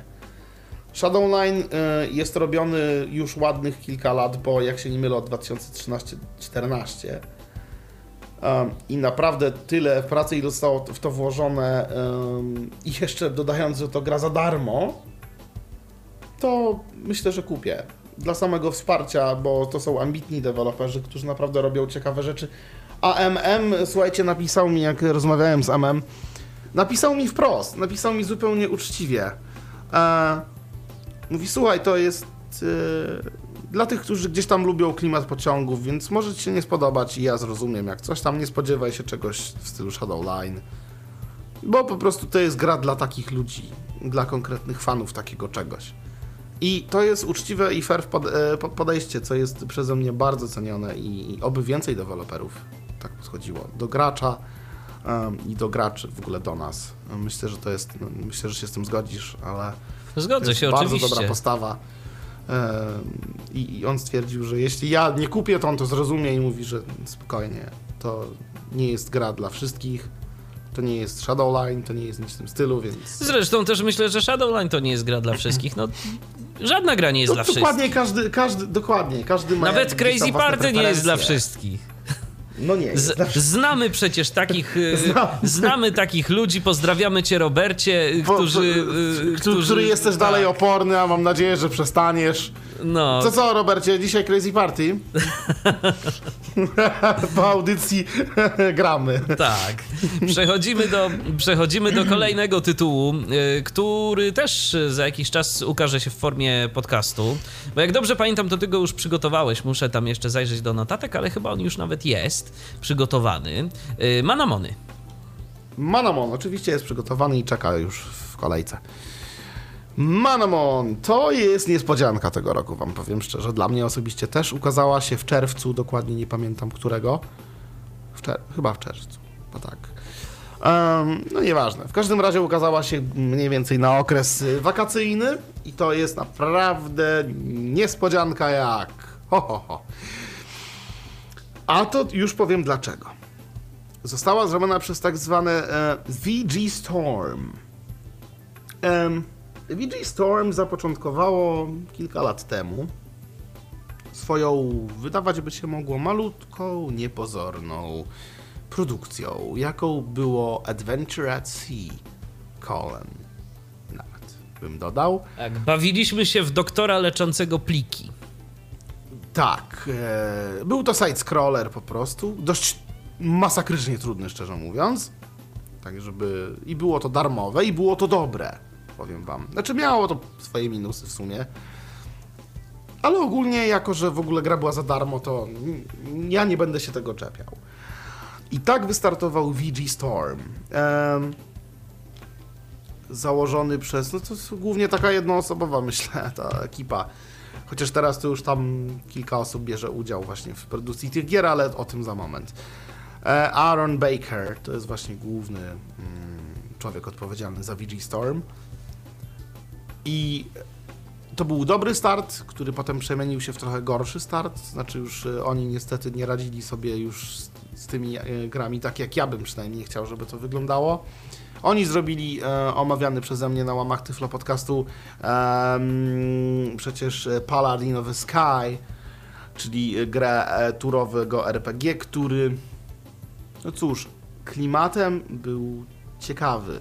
Historię, mimo że tej gry nie przeszedłem, powiem wam szczerze, e, historia też ciekawie się zapowiadała. Em, natomiast system, no niestety, katastrofa. E, Postanowili jednak, że po Paladin of the Sky jeszcze bardziej pogorszą swoją markę i wydadzą kolejne gorsze rzeczy. To i padło na Psycho Strike. Grę, która została określona jako strategia, przygodówko, gra akcji, czy cokolwiek takiego tam jeszcze można było wymyśleć. Powiem wam jedno. W tak nudną grę rzadko kiedy zdarza mi się grać. Oczywiście już od Paladin of Sky, żeby była jasność. Każda gra spod szyldu VG Storm jest, że była i jest płatna. To wcale nie płatna po 5 dolarów, tylko minimum 25. Wzwyż, zazwyczaj. A więc y, Psycho Strike była grą, w której było się po prostu gangsterem, to znaczy szefem mafii. Wynajmowało się jakichś tam gangsterów, rekrutowało i tak dalej. No i można było z tymi wszystkimi wyruszyć na misję typu, nie wiem, zrabować bank, typu tam no, odbić kogoś z celi. I jeszcze mógłbym wymienić kilka innych rzeczy, ale ale po co? Nie ma sensu, bo powiem wam jedno, wszystkie te misje i wszystko to wyglądało dokładnie tak samo. Kalka, kalka i jeszcze raz kalka. Tylko inaczej się Podam, nazywały. y, y, podam, powiem, może powiem tak, podam przykład. Gra y, w dużej części to było zarządzanie, czyli wiesz, y, wszelkie menu, z których wybierałeś rzeczy, co tam, nie wiem, y, typu chcesz kupić to i to, chcesz tam, nie wiem, zrobić to i to, chcesz tam kogoś y, przydzielić tu i tu. I tego typu rzeczy. Wszystko jakby działo się Czyli taki menedżer tak naprawdę, tak jak Tak, kiedyś były popularne stylu. te menedżery piłkarskie. No tak, co, właśnie coś w tym stylu. Taki, jak, taki menedżer. Ale jeśli przychodziło do akcji, już wybieraliśmy się powiedzmy tam na jakąś misję, to oczywiście był side-scroller, czyli lewo-prawo i to nawet nie byłoby problemem, gdyby nie to, że chcąc zrobić napad na bank, no to biegliśmy, mieliśmy kilka broni, które działały tak, a nie inaczej. Oczywiście zabijać musieliśmy po drodze tam jakichś gliniarzy czy innych zakładników. I słyszeliśmy sobie, jak przebiegaliśmy, dajmy na to, sejfy różne, które na razie było, na, należało rozwalać, mówiąc delikatnie, więc siekało się w to spacją. Im szybciej, tym lepiej. I się czekało, kiedy to się w końcu, y, że tak powiem, podda. No jak się już poddało, to tylko się zbierało pieniądze. I do kolejnego sejfu. I tak do końca. Oczywiście można było za, za, w każdym momencie opuścić, że tak powiem, lokację, biegnąc na maksa w lewą stronę do samego początku i wychodząc przez drzwi. Jeśli oczywiście zdążyło i tam się nie zginęło. Ale przykładem teraz jest to, że idziemy uwolnić kogoś z więzienia. Ten sam scenariusz. Idziemy, słyszymy drzwi od celi. No to pakujemy w spację, ile tam nam w mięśniach da, dali. No jak już otworzymy, no to nasz więzień wychodzi i do kolejnego i pum, znowu. I sytuacja jest zupełnie taka sama. Jeśli chcemy uciec, no to biegniemy na maksa w lewo i wychodzimy. O ile zdążymy. I wyobraź sobie, że w zasadzie wszystko tak wyglądało. No to rzeczywiście nie zachęca, bo to tak naprawdę trzeba ustalać te wszystkie wskaźniki, a potem tylko w prawo, spacja. I nawet tak, i to nawet, nawet to, że gdzieś tam można było nowe bronie zdobyć, jakieś i coś tam, to uwierzcie mi, nie zachęcało do niczego. Absolutnie. No i to był, yy, tutaj już nie będę o tym mówić więcej, bo to już szkoda słów i czasu przy okazji, bo przechodzimy do Manamonów w końcu, ale to jeszcze zanim do Manamonów, to przejdziemy jeszcze przez The Gate. Kolejna produkcja VG Storm. O zgrozo, znowu zła. O, nie na darmo mówię o zgrozo, bo to przecież z opisu miał być side-scrolling adventure horror game. Z opisu brzmi ładnie. Jedyne co to miało to side-scrolling. Nie było to ani adventure, a już tym bardziej... Horror. Nie horror. Bardziej boję się tego słowa niż faktu. Powiem tyle. E... Gra w pokrótce zupełnie. Przedstawia tam sytuację, że jesteś jakimś chłopaczkiem, któremu mama umiera i on tam się wybiera gdzieś po jakieś lekarstwo, ale nagle dostaje w łeb i trafia do jakichś tam nie wiem, co to, już nie pamiętam, lochy czy inne i tam oczywiście. Musi no i do czego się sprowadza. Tak, i do czego się sprowadza rozgrywka? A no, kurczę, przecież do czegoś nowatorskiego. Myślę, że w to nie graliście. Prawo i spacja? Oczywiście. A nie, ale to nie wszystko, bo jeszcze jest strzałka w górę, żeby sobie skiknąć przez przepaść. Wow, no nie, no to jest innowacja, słuchaj, innowacja. I no ja mówię, tu ja, tu, słuchajcie, teraz tu na tej audycji sypią się prawdziwe skarby jasy z rękawa. Nie omincie, naprawdę, bo dużo stracicie. E, a tak szczerze mówiąc, omijajcie szerokim łukiem, błagam was bardzo. E, powiem tylko tyle. Mm, to było przerabiane setki razy. Nie dość, że dźwięki broni, które mamy, bo aż trzy, przez całą grę aż trzy bronie i to prawie na samym początku zdobywamy wszystkie. Poza tym gra nie jest długa. Znaczy jest, y, bo ja szczerze mówiąc nad jedną planszą się męczyłem, bo ta gra jest bardziej frustrująca niż dobra. Dźwięki noża, ataku nożem, czy co to tam już było, nie pamiętam, brzmi... Nie wiem, no może nie jest to kreskówka, ale nazywanie to horrorem to... Mm, tudzież dziwne potwory typu, nie wiem, e, gobliny czy orki, których dźwięk przypomina o Boże, nie wiem. Jakieś naprawdę bajkowe coś, znaczy do bajki, do, do bajki to jeszcze daleko. i To może były orki z no, Majorki. Coś,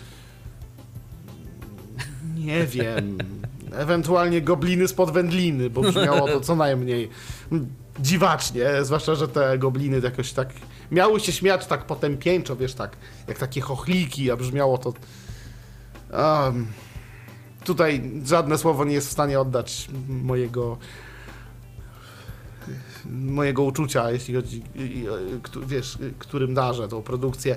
Natomiast gra no, była po prostu katastrofalnie źle zrobiona pod każdym względem, pod każdym. I e, powiem szczerze, jeśli oglądałem let's playe z tej gry, w sensie słuchałem, jak inni gracze, to po, powiem wam, wszyscy, wszyscy myśleli to co ja, wszyscy.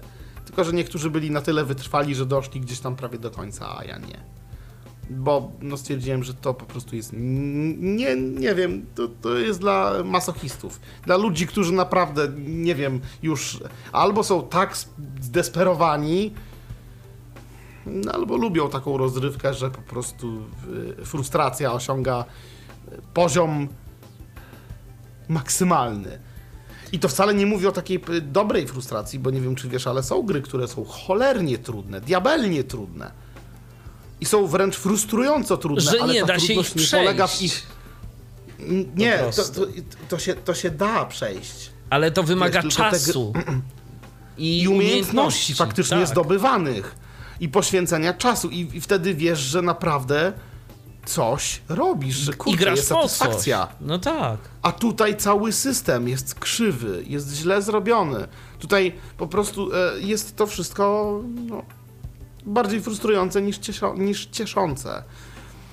No i pewnego dnia, pewnego dnia sprawdziłem i jest VG Storm Presents Manamon i coś tam, coś tam, coś tam full i coś tam RPG, już teraz nie pamiętam tematu. No to mój sceptyzm już podpowiada, już podszeptuje Będzie słabo. na ucho. Oj, Będzie oj, spacja i w no, prawo. No, ewentualnie coś. Może teraz jeszcze strzałka w dół. Oprócz no, strzałki w górę. Słuchaj. No, ale postanowiłem pobrać to, to i po, pograć w wersję demo, bo oczywiście no płatny produkt. I to bo, wcale nie mało, bo 40 dolców. I wiecie co? Kupiłem. Eee, pierwsza gra VG Storm, którą nabyłem. Wcale nie żałuję. Absolutnie. Ani trochę. Um, na szczęście, na szczęście, przynajmniej dla mnie, może ktoś uważa inaczej. Nie jestem fanem Pokémonów. Gdybym był. Mm, myślę, że pewnie też by mi się podobała i może też bym kupił, ale myślę, że miałbym do tej gry dużo więcej e, jakby różnych ale niż mam obecnie, a mam w sumie niewiele. Um, I myślę, że e, byłbym bardziej zniesmaczony. Manamony to co by nie pisali autorzy, co by nie pisali inni, to klon Pokémonów. I nie łudźcie się, że to oryginalne coś. Nie, to czysty klon. Oczywiście musieli zmienić nazwę gry. Bo prawa autorskie. Musieli zmienić nazwę Pokémonów. Musieli zmienić nazwę wszystkich postaci świata, miast i wszelkiego tam innego. Chociaż podobno nie wszystko do końca zmienili, bo są pewne podobieństwa. Z tego co słyszałem. No ale musieli prawa autorskie, jednak Nintendo by sobie na to nie pozwoliło. Na pewno nie. Um, Nintendo i nie tylko zresztą, bo tam teraz nie wiem już jak to co tam z tą licencją, bo to tam się różnie z nią dzieje. W każdym razie to typowy klon i wcale niezły. Naprawdę, nie jest zły. E, jest to turowy RPG. Mm, jeśli ktoś nie wie o co chodzi w Pokémonach, tudzież właśnie tutaj w Manamonach, może skupię się po prostu na Manamonach, a wy będziecie wiedzieli, że to Pokémony to coś tym stylu tylko lepsze. w Manamonach jesteśmy trenerem Manamonów. Generalnie nowo, świeżon, takim nowym, świeżo upieczonym trenerem, który chce być mistrzem nadmistrzów wszystkich, wszelakich tam po całym świecie i chce być w ogóle takim masterem Manamonów. Ale żeby tego dokonać, to musi przebyć długą drogę przez cały świat i pokonać mistrzów siedem, jakby siedmiu aren takich. A manamony to są po prostu takie stworki, które gdzieś tam sobie łapiemy po świecie i trenujemy. Tak. Łapiemy je w sieci różne, a potem je szkolimy. W sensie po prostu Przekładając to na mechanikę, walczymy nimi, levelujemy je, dodajemy im różne zdolności, punkty doświadczenia zdobywamy, mm, więc możemy tutaj sobie dodawać punkty do różnych y, atrybutów. E, I to jest, powiem wam, dobre. Naprawdę. Manamonów jest 158 chyba. Wszystkich. Sporo kombinacji, naprawdę sporo możliwości. Ba! Ukryte manamony, ukryte rzeczy, ukryte itemy, legendarne manamony, mityczne manamony, a jak się okaże, jak skończycie grę, to wcale nie będzie koniec gry. I nawet po, po zakończeniu gry możecie zdobyć jeszcze jeden albo dwa, już nie pamiętam, takie naprawdę potężne manamony. E, przegrałem w tą grę nie kłamiąc jakieś. Mm, już wam mówię. No, myślę, że na pierwsze przejście gry całościowo. Oczywiście starałem się jak mogłem gdzieś tam eksplorować to wszystko. Nie wiem, znaleźć jak najwięcej. Znaczy, nie, nawet się nie poświęcałem, żeby wszystkie manamony zdobyć. Teraz planuję drugie przejście i tutaj się już skupię nad tym, bo oczywiście za to są odpowiednie nagrody, jak uda nam się wszystko zdobyć i w ogóle. Um, ale zajęło mi to no około 70 godzin. 60 coś na pewno. No to już Gra mi wyrzuciła na samym, na samym końcu 3 dni i tam kilkanaście godzin. Tak, bo gra pokazuje ile czasu gramy. Tak, widać. Więc całkiem sporo, gdybyśmy, naprawdę. gdybyśmy za dużo grali, to, to, to mamy też taką kontrolę wtedy, że no już czas by może odejść od tego komputera, bo już czwarty dzień siedzimy i Tak, a to tak jeszcze perfidnie widać, jest load game i od razu po tym widać tak. playing time. E, Wad to ma kilka, jak powiedziałem. Oczywiście zaraz do nich przejdę, ale jeszcze kończąc o pozytywach. E, Byłem bardzo zaskoczony, jak to ładnie jest zrobione. Muzycznie brzmi pięknie, dźwiękowo również. E, Wszystkie manamony zostały zrobione od zera e, i to brzmi naprawdę kreatywnie.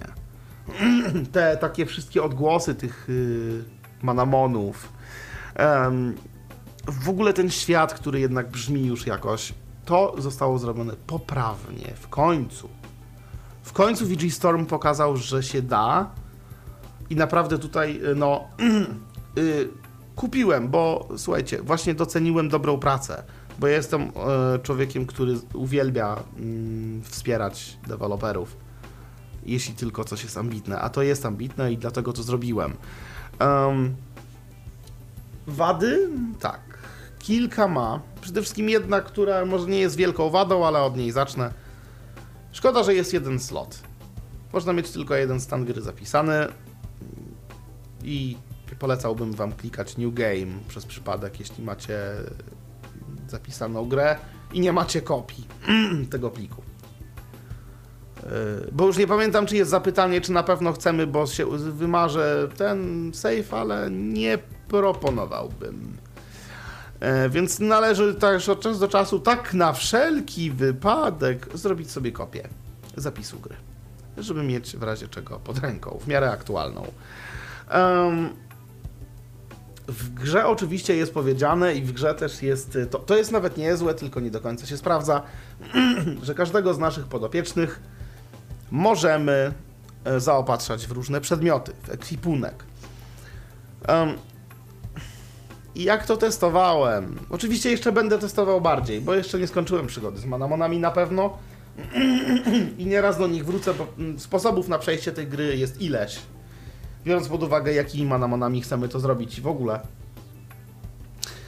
W każdym razie e, ten ekwipunek wypadł jakoś blado. W sensie nie widziałem jakiś, e, jakiegoś aż tak wielkiego, e, mm, aż tak wielkich efektów, jeśli chodzi o obdarowywanie przedmiotami naszych uroczych stworków, które tam sobie walczą w taki lub inny sposób. Bo najmy na to jest Bellard, który jest Manamonem, już Bellard w sumie to już jest jego ewolucja, e, który jest Manamonem muzycznym, tak? Są tutaj nowe rzeczy, faktycznie, których nie ma w Pokémonach, bo są Sound Type. A tutaj akurat widzicie, nawią na nawiążemy może troszkę do Crazy Party, bo to, to jest właśnie coś w stylu tych typów jak Crazy Party.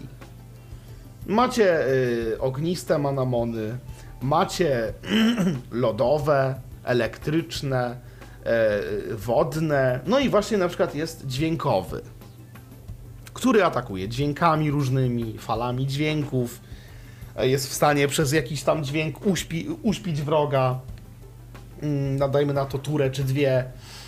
E, i tak dalej. E, I na przykład do tego Manamona można zdobyć, jak się domyślam, znaczy jest chyba kilka jest megafon. Jeśli mu go damy, z tego co pamiętam, y, odblokujemy naszemu Manamonowi y, kolejny atak specjalny, który może używać, z tego co pamiętam. I to takie chyba bardziej użyteczne przedmioty. Natomiast niestety nie jest ich za dużo. Um, I to jest trochę wadą, bo są te przedmioty, ale one aż tak tej rozgrywki nie poprawiają. Przynajmniej ja jeszcze tego nie odczułem. Może się mylę. No nie i wiem, też jest jeszcze moja coś ocena. takiego, że nie wszystkie manamony możemy zabrać ze sobą. Możemy tylko zabrać określoną ich ilość.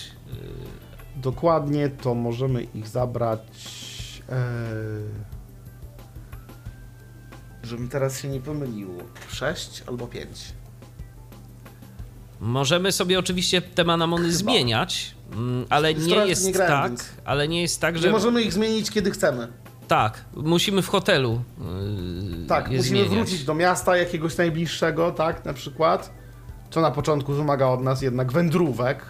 Tak. Potem już się trochę zmienia, ale nie chcę wam aż za tyle mówić. E, potem się będziemy mogli jednak przemieszczać szybciej, ale na początku to troszkę trzeba powędrować po świecie. I to ma oczywiście, powiem wam, swoje uzasadnienie, dlaczego tak jest. Ano dlatego, że tutaj każdy manamon na innego manamona działa inaczej. Więc dajmy na to mm, ogień na ogień się nie sprawdzi. Trzeba zamienić na co inne. Więc wyobraźcie sobie, gdybyście mogli podczas walki albo między walkami sobie od tak zmieniać manamony jak chcecie, to byłoby po prostu zbyt prosto i niefajnie. A tak jest ciekawie. I wtedy budujecie strategię konkretną. Jakich manamonów, w jakim momencie i gdzie chcecie używać. I to fajnie działa, naprawdę. Tutaj balans, yy, z tego co wiem, jest poprawiany. Nie wiem, czy. mm, nie wiem, czy nadal jest y, jakieś aktualizacje. Jakiś czas temu wyszła aktualizacja, z tego co pamiętam. Natomiast e, coś tam się działo faktycznie z tym balansem i chyba coś się faktycznie poprawiało. No i Natomiast ja nie jeszcze- odczułem jakichś problemów. I jeszcze z jedna tym, rzecz związana z manamonami. Można sobie przynajmniej częściowo pograć w to online. Częściowo, bardzo częściowo. I co jest dobrą i złą wiadomością?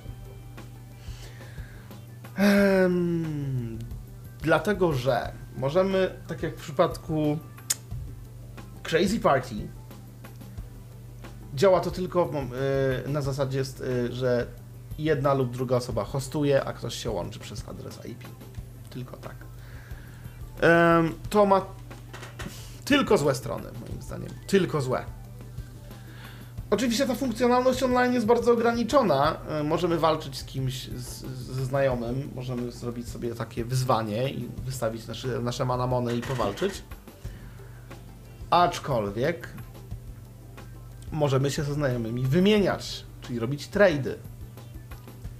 I tutaj rzecz, która jest najgorsza. I tutaj jest, to, to po prostu jest y, totalna katastrofa i błąd fatalny, jeśli chodzi o twórców. Niestety, jeśli chcecie zdobyć wszystkie manamony, wszyściutkie, to ich nie zdobędziecie. W sensie nie zdobędziecie ich, jeśli chcecie zrobić to sami. Nie ma takiej opcji.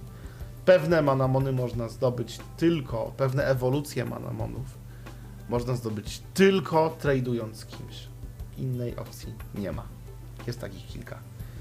I niestety to jest najgorsze, bo nie każdy może hostować, nie każdy akurat chce hostować i, i myślę, że wielu takich, mnie do tego wliczając, jest, że hm, wolałbym jednak to zdobyć na własną rękę.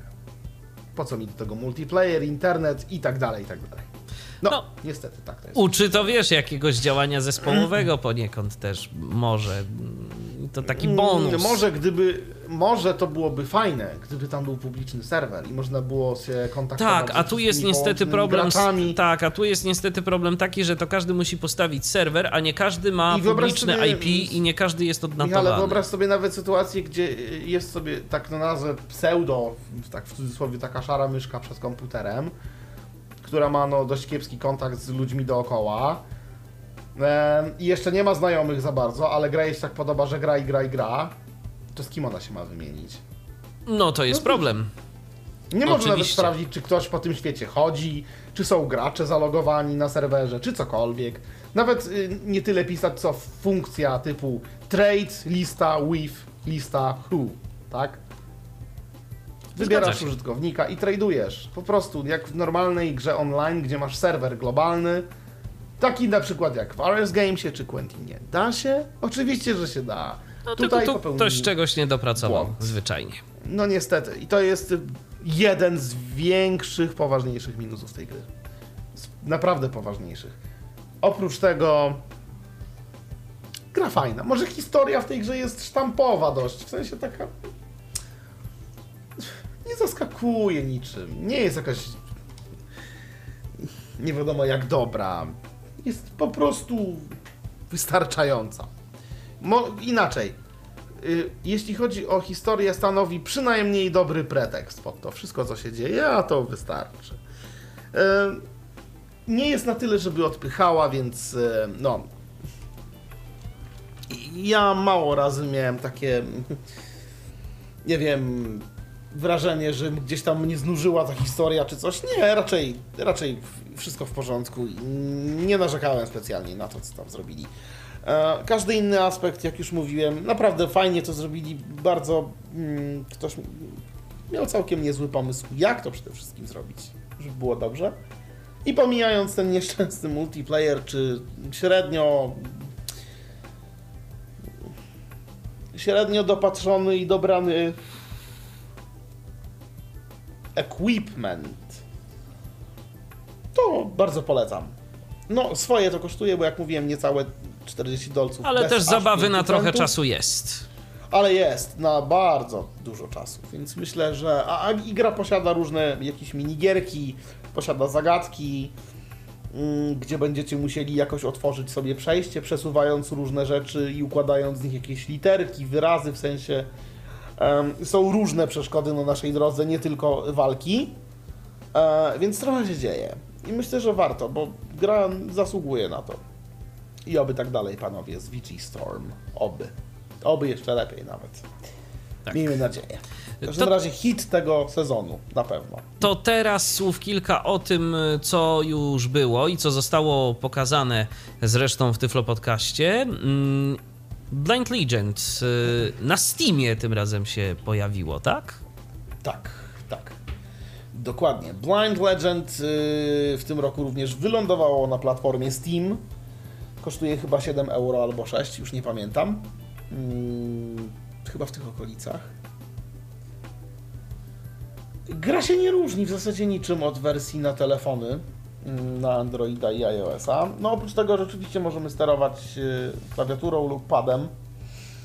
Y, Dźwięk jest jednak na dużo lepszym i wyższym poziomie, jakość dźwięku y, w porównaniu z telefonami. Co jest akurat, no, dużym plusem, tak? Bo na telefonie brzmiało to, jak brzmiało. Em, Mimo tego, że było binauralnie, że było wszystko niby fajnie. tak, to jednak- troszkę niższa jakość była tych dźwięków. Tak. W każdym razie tutaj brzmi to naprawdę już fajnie. Dodany jest jeszcze tryb hardcore mode.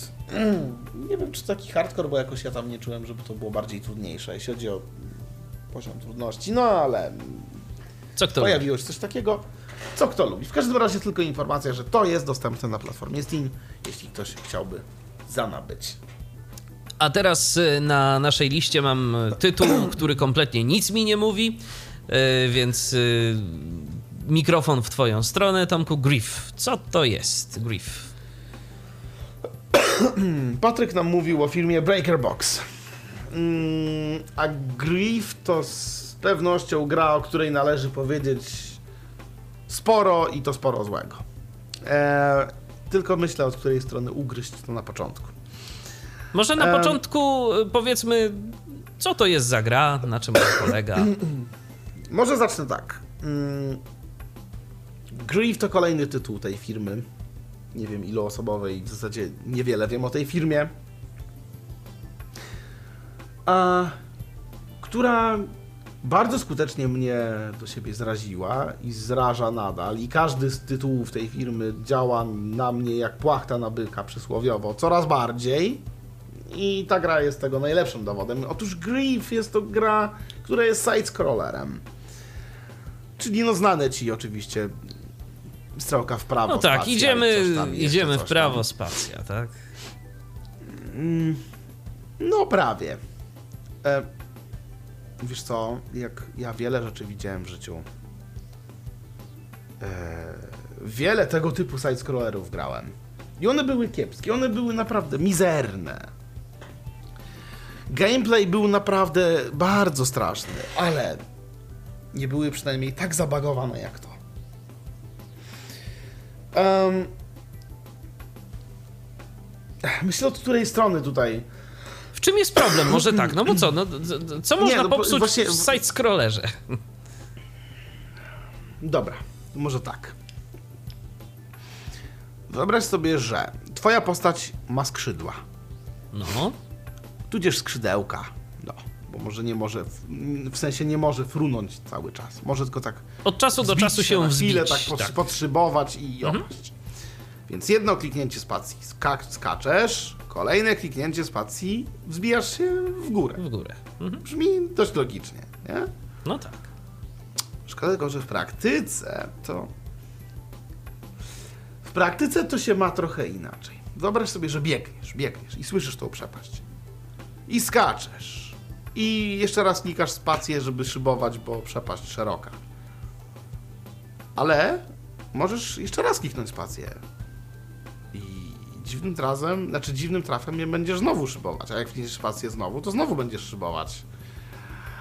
No czyli możesz sobie tak lecieć, lecieć, lecieć i lecieć i A jak całą grę przelecieć. przepaść i, a, a jak spadniesz w przepaść i naciśniesz spację, to jak już będziesz umierał, to będziesz słyszał, że znowu szybujesz, ale to już nieprawda. Nieźle. Ale oczywiście możesz dalej szybować, umierając, to chyba twój duch. No tak, Tylko to... już nie wiadomo, co się dzieje dalej. Jakby. I oczywiście, no, tutaj zero balansu, jeśli chodzi o rozgrywkę. To jest najlepszy przykład z tym szybowaniem. Atakowanie przeciwników to już w ogóle jest ciekawa historia. I y, w zasadzie nie wiem, co autor miał na myśli, bo słyszysz jakiegoś tam przeciwnika, który sobie stoi, macha, podejdzie, macha, podejdzie, macha i on tak tam gdzieś tak się rusza.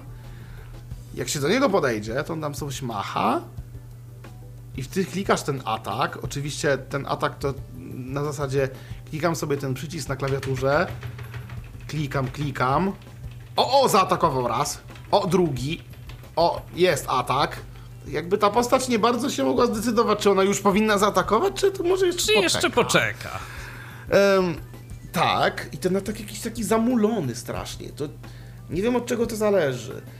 Możesz postać uderzyć w ogóle tylko w konkretnym momencie. No tutaj okej, wiadomo, bo musisz być blisko, to jeszcze mogę w stanie zrozumieć, ale to też, oczywiście każde uderzenie z tego, co ja przy okazji zauważyłem, odpycha postać trochę do tyłu, robisz krok do przodu, klikasz ten przycisk tam. O, uderzyłeś, podchodzisz, Tak. o, uderzyłeś. No i generalnie walka jest taka, że jeśli z dziwnej przyczyny coś cię nie zaatakuje i nawet nie wiadomo co, i nie wiadomo skąd, i nie wiadomo dlaczego cię to zaatakowało, a ty próbujesz to oczywiście zaatakować, ale nie możesz. I tym bardziej nie wiadomo dlaczego nie możesz, przecież to jest przy tobie. I to cię atakuje, i ty to też niby atakujesz, tylko nie słychać. Tylko jakoś nie ma efektów. Zaatakujesz, y, bo tak machasz, ale tak w powietrze jakby i nic się nie dzieje i No nie, no Miałem to... kilka takich przykładów, gdzie stwierdziłem, a dobra, Boże, umrę. Więc szybowanie i przeskakuję nad tym czymś i lecę dalej, bo tego się po prostu nie dało ruszyć. Em, grałem tylko w demo. Grief. A, bo 2. gra jest płatna. Ależ oczywiście. Wyszły tego nawet dwie części. Grief i Grief 2. I wiesz jaka jest między nimi różnica? Jaka? Żadna. E, to po co ta dwójka wyszła? Nie wiem. Aha. Tak po prostu. Żadna. W sensie niby jakieś tam są, że tam jakaś historia, chyba ciąg dalszy, co. Nie wiem nawet, bo ja w jedynka nawet jakoś tak tego. Ale, Ale- dalej latamy, przeciwnik Tak, nas atakuje, my go tak nie bardzo. I dalej szybujemy w przepaści, dalej są błędy, jakich mało. I od początku istnienia tego, breaker, tego całego Breaker Box to jest tak w każdej ich grze. Oni zaczęli od gry Eric the Cleric. Takiego RPGa, w którym się takim jakimś kimś tam był tym całym Ericiem, czy kimś tam się było. On miał jakiś tam przy sobie, nie wiem, komputer, czy jakiś robot to był. Nie wiem, co, już nie pamiętam. To było dawno temu i chyba nie chcę tego pamiętać, niestety. Em, oczywiście wy to wszystko usłyszycie w akcji, ja wam o to obiecuję i przykłady też usłyszycie, bo e, powiem wam teraz tak e, troszkę zdradzając, pracuję nad pewną, e, pewnym podcastem, który się pojawi, mam nadzieję, który właśnie ma, będzie miał zadanie mm, rozjaśnić nieco bardziej mój sposób oceniania gier, czego ja szukam w gier, a co gry oferują. Mm, Będzie to też trochę podcast nawiązujący, nawiązujący do historii samych gier, od starych czasów po te najnowsze, oczywiście w pigułce. I wszystko to w tle będzie przypruszone przykładami, o których będę mówił. E, Więc będziecie mogli też słyszeć, jak to wszystko brzmi, jak to wygląda. I tutaj wezmę na mm, jakby mm, tutaj wezmę na, na pulpit, e, że tak powiem, kilka różnych przykładów i na, na tych przykładach właśnie będę starał się Wam opisywać e, różne mechaniki, jak to działa i dlaczego działa to tak, a nie inaczej i dlaczego tak to działać nie powinno albo powinno. I to Bo różnie być może. Przykłady, bo różnie być może i będę starał się w tym podcaście porównywać pewne rzeczy. To jest dobrym przykładem takiej mechaniki, a natomiast to nie powinno tak w ogóle działać.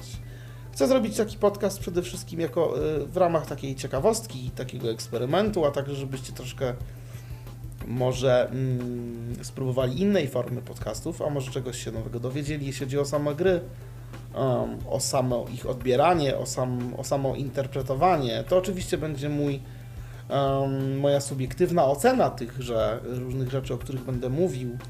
Natomiast mam nadzieję, że czegoś się ciekawego dowiecie z tego podcastu i będziecie mm, też mogli w stanie e, trochę inaczej na to popatrzeć. Mm, Mając jednak już trochę więcej wiedzy, bo zdaję sobie z tego sprawę, że nie każdy taką posiada, a może też będę mógł w jakimś stopniu e, przybliżyć Wam, jak to wszystko tak naprawdę wygląda za kulisami i na co człowiek na co dzień, no, czasami nie zwraca uwagi i potrafi wpaść w grę, która niby jest dobra, a potem stwierdzić, że niestety, ale zmarnował pieniądze. Na przykład, bo jeszcze jak gra jest darmowa, to pół biedy, natomiast jeśli jest płatna, no to niestety. To już jest gorzej, no i pieniędzy nam nikt nie odda, bo w końcu tytuł kupiliśmy. Dokładnie, a na sekundę tylko nawiązując do Eric the Cleric, Michale, wyobraź Tak. sobie taką sytuację bardzo cudną. Em, to była gra, powstała ta gra, to, ja nawet nie będę się zagłębiał, pozwolisz w historię, już nie pamiętam, jakieś szczępki zupełne. W każdym razie było to tak ciekawe, że zapomniałem. A, no to już wiele świadczy o tym tytule. Tak, y, znaczy może byłoby to nawet ciekawe, gdyby nie to wszystko, co mnie denerwowało i to sprawiało, że historia jakby wtedy naprawdę już nie miała dla mnie żadnego znaczenia i tylko ostatkami sił starałem się brnąć dalej, żeby po prostu przekonywać się, że to nie ma sensu, aczkolwiek ciągle miałem tą cichą nadzieję. Że Jak gdzieś tam okazuje, jednak wszystkie- coś będzie. Tak, jak się okazuje, wszystkie gry Breaker Box robione są dokładnie tak samo, nawet poruszany dzisiaj Edge of Winter przez Patryka. Z tego co grałem w wersję jakąś tam rozwojową demo, a słyszałem, że jak mówił beta nie różni się wiele, no to ładnie. E, to jest kalka po prostu, istna kalka, tylko zmieniony setting, tak? Czyli czasy, postacie, historia, coś tam, ale wszystko wygląda podobnie. W każdym razie, no dobra, z pewnymi dodatkami, ale to nieważne. W każdym razie wyobraź sobie taką sytuację, że masz postać, możesz się nią poruszać, tak jak dajmy na to w Shadowline, czy w Crazy Party w niektórych grach, góra, dół, lewo, prawo. Bez obracania się, czy coś tam, tylko północ, południe, wschód, zachód. Aha. I to nie miałoby oczywiście... To, to, to nie byłoby złe, wręcz przeciwnie. Shadowline udowadnia najbardziej, że z dobrą nawigacją i z dobrym podejściem To może być coś niesamowitego. Eric the Cleric pokazuje natomiast zupełnie coś innego. A to tylko dlatego, że tak jak w Crazy Party, ale Crazy Party, jak mówiłem, na to można przymknąć oko z uwagi na małe mapki, lokacje, bo to minigierki, więc jeszcze można, ale w takiej grze absolutnie nie powinno się. Nie widać dookoła nic. Ścian. Znaczy ściany widać. Tylko nie wiadomo, gdzie jest przerwa. Tak, przynajmniej tyle, że ściany w sumie widać. No. Ale gdzie są przejścia? Zapomnij. Ale to jest nic. Uwierz mi, to jest dopiero początek góry lodowej. Ja już ci wyjaśnię dlaczego. Bo nawet z pomocą przychodzi nam też ten, ten taki, ten, ten nasz pomocnik, nie wiem, ten robot, czy jak mu tam, generalnie skaner. Wyobraź sobie, że stoisz przy ścianie, masz ją za plecami, czyli od strony południowej. Po lewej ileś kroków masz ścianę, po prawej ileś kroków masz ścianę. I oczywiście na północ przed sobą, tak jak stoisz, masz też coś. Możesz tam oczywiście podejść i sprawdzić, co tam jest. No ale jest skaner. Klikamy przycisk. Klik, pyk i słyszymy dźwięk taki specyficzny, taki. tu, tu, tu. I ten dźwięk leci, się oddala od nas, bo to jest skaner i on nam skanuje teraz, to jest przed nami, tak? No i jeśli jeszcze uda mu się, bo to jest oczywiście skaner, który ma swoją odległość, więc zadziała w konkretnej odległości, a jak jest za daleko, to już nie dowiemy się, To już się nie tak- dowiemy, no tak. jest. taki bardziej sonar nawet w sumie. No coś w tym stylu, tak. Taki sonar. Więc jeśli ewentualnie coś tam jest, to powie, że trafił na ścianę, albo na drzwi, albo na ścianę, albo na drzwi, albo ewentualnie na ścianę, bo tak też może być. I na drzwi też. Dlaczego tak mówię? No nie no, zdarzyło się kilka razy, że jakieś łóżko, nie wiem, coś tam. Ano tylko dlatego, że nawet jeszcze gdyby to tak było, to powiedzmy, że jakoś bym to wytrzymał. Problem leży w tym, że w grze można zbierać przedmioty. Różne. Znaczy niewiele ich chyba, ale jednak przedmioty, których nie słychać wokół w ogóle. Jeśli na niego A, wejdziesz, to masz To szczęście masz i go i podniosłeś. zebrałeś, ale jeżeli nie, Ale no jeśli to... chcesz je pozbierać, to skanuj. A wiesz, jak tam wygląda skan? Oprócz tego, że wyjaśniłem jego mechanikę, postać nie obraca się dookoła.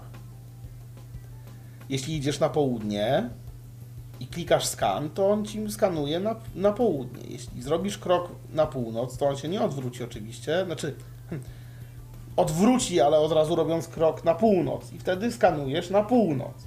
Tak samo działa wschód-zachód. Więc wyobraź sobie, że chcesz, że chcesz przeskanować sobie ze wschodu na zachód, od południa na północ idąc. No więc stoisz w lewym dolnym rogu mapy. No ale teraz będziesz puszczał sonar albo na południe, albo na zachód. Musisz zrobić krok na wschód, kliknąć sonar. Leci, nie ma nic. Dobra, cofamy się zachód. Krok na północ, krok na wschód, żeby nie zrobił skanu na północ. Na północ. na wschód. No tak. I krok po kroku skanujemy mapę. No to jest Uwierz gra dla mi. cierpliwych. Uwierz mi, to jest katastrofa. To jest tak frustrujące jak nic, w co grałem w życiu, dosłownie nic. Po prostu to sprawia, że człowiek przestaje chyba myśleć jak człowiek i takie gry powinny być karą dla skazańców. Nie wiem, dla ludzi, którzy popełnili jakieś przestępstwo. Nie wiem, to powinien być sądownie coś takiego powinno być ustalone, bo ja szczerze ci powiem, odebrałem Męczyło to jako to. karę. Tak, nie, nie wiem za co byłem tak skarany, natomiast zostałem tak skarany z własnej woli, no pewnie niestety, ale byłem okrutnie zmęczony, mówiąc już zupełnie poważnie. Em, może ktoś się dziwić tutaj, jeśli chodzi o moje ironie, ale uwierzcie mi, jeśli spróbujecie w to zagrać, znaczy oczywiście musicie najpierw kupić, żeby nie było, bo gra jest płatna. A nie ma jakiegoś dema? E, mm, nie jestem pewien, czy jest teraz obecnie demo. Może jest jeszcze, jeśli oczywiście linki żyją, bo e, e, demo, czy w ogóle s- Mm, Z tego co wiem, demo na pewno, ale z tego co wiem, pełna wersja też tak była rozsyłana. Na Space, słuchajcie. Aha, to bardzo profesjonalne podejście. To... Tak, więc ja nie wiem, czy jeszcze linki żyją nawet. Mm. I tylko powiem, każda gra, nawet ta nowsza, nawet ten Edge of Winter, większość dźwięków zawiera tych samych z wcześniejszych gier. Mają jedną bibliotekę. Oczywiście tam. tak, oczywiście tam twórca mówi, że high quality sounds, high quality audio. No, z tą wysoką jakością to ja bym nie przesadzał, skoro tam jeden dźwięk jest w jakości 32 KHZ, drugi 44, a trzeci 22. Tudzież 11 jeszcze się zdarzy po drodze. Już o wyrównaniu głośności poszczególnych dźwięków i tak dalej już nie będę wspominał, bo to jakby myślę, że już y, nie ma sensu o tym mówić. W Nie, no, każdym wiesz, razie no, może się ktoś skupił za bardzo na tym, żeby było tak bardzo high quality, to tam... I, I żeby ten system rozgrywki był dopracowany. Tak, tak, tak, tak, tak, już tak. Na dźwiękach się woleli nie skupiać. No. Także wybaczcie mi wszyscy za tą mocną ironię i ten akcent. Natomiast uwierzcie mi, że inaczej się nie da. Jeśli sami postanowicie spróbować w nawiasie na własną odpowiedzialność wykrzyknik, e, to zrozumiecie moje podejście i dlaczego tak, a nie inaczej o, reaguję. No chyba, że ktoś, e, chyba, że ktoś będzie miał inne zdanie, no to wiesz, czemu nie? Można, Nie, no, oczywiście, można no, zawsze, no a może ktoś grał już w to i do nas napisze teraz, I teraz się zadzwoni i powie, I teraz y, zadzwoni i stwierdzi, że jakie tutaj straszne y, bluźnierstwa. przecież to najlepsza gra padają. roku. Jak roku, jak dekady. No, No, więc jeżeli może ktoś, być różnie, więc jeżeli ktoś ma inne Słuchajcie, zdanie, jeżeli się to... nie zgadzacie, to bardzo chętnie wysłuchamy waszej opinii i ja oczywiście nie jestem tutaj mistrzem żadnym, więc mogę się mylić, e, więc jeśli ktoś ma inne zdanie i chce mi powiedzieć coś, czego nie wiem, a może nie wiem, nie wiem, jakimś sekrecie, który czyni tą grę jakoś e, wy- wybitnie, nie wiem, kurczę. Ciężko stwierdzić. W To no, tyflopodcast.net zapraszam, można dzwonić. Można Oczywiście. dzwonić. Jeszcze chwilę jesteśmy, bo jeszcze coś tu mamy do powiedzenia, to może przejdźmy, już nie, nie pastwmy Tak, się. już koń, koń, końcówka już nam została w zasadzie. Mm, Code 7 więc mam na jeśli, liście. Tak, więc jeśli ktoś y, jeszcze chce, to jeszcze ma mm, troszkę czasu. Tak. Code 7, co to jest? Bo, bo też 7, coś, czego nie, nie 7. znam. A to szkoda, zap- zapoznaj się. Mam nadzieję, że po tym, co powiem, sięgniesz po to i sprawdzisz. Code 7, słuchajcie, jest produkcją, która mnie osobiście rozłożyła na łopatki i pozwoliła uwierzyć w świat elektronicznej rozgrywki. Code 7, o ironią losu mogłoby się wydawać, paradoksalnie nawet, jest grą wideo. O, Jest grą wideo i tak i nie zresztą, ale no powiedzmy sobie, że jest to gra wideo. Zaraz, zaraz zrozumiecie dlaczego i tak i nie. Code 7 jest projektem mm, dwóch postaci e, sceny niemieckiej, gier wideo, którzy to mm, postanowili e, stworzyć takie piękne dzieło, jakim jest Code 7, czyli gra tekstowa. ale to jest gra tekstowa, która z tego co wiem zawiera śladowe ilości grafiki, mm, jakieś mapa chociażby i tak dalej. Zresztą no, myślę, że sam fakt, że jest napisana w Unity sporo ci powie. Eee, jeśli mniej więcej orientujesz się w tych wszystkich e, językach i silnikach i tak dalej. no koja... Wiesz co, nie orientuję się szczerze Unity generalnie. Unity jest używany do, generalnie do gier bardzo. Tak jak Unreal Engine. Mhm. Unity jest generalnie takim silnikiem gamingowym, stworzonym na potrzeby gier głównie. E, I mającym mało wspólnego z grami audio, co na szczęście się zmienia ostatnio. Ale to może dodam za moment. E, więc gra jest tekstową grą przygodową, tylko i wyłącznie tekstową, która zawiera pełne udźwiękowienie, pełny soundtrack i pełny voice acting, profesjonalny zupełnie. Mm, Co ta gra ciekawego oferuje? Wyobraźcie sobie pomieszane dwa gatunki. Jesteśmy hakerem i to w dodatku w kosmosie.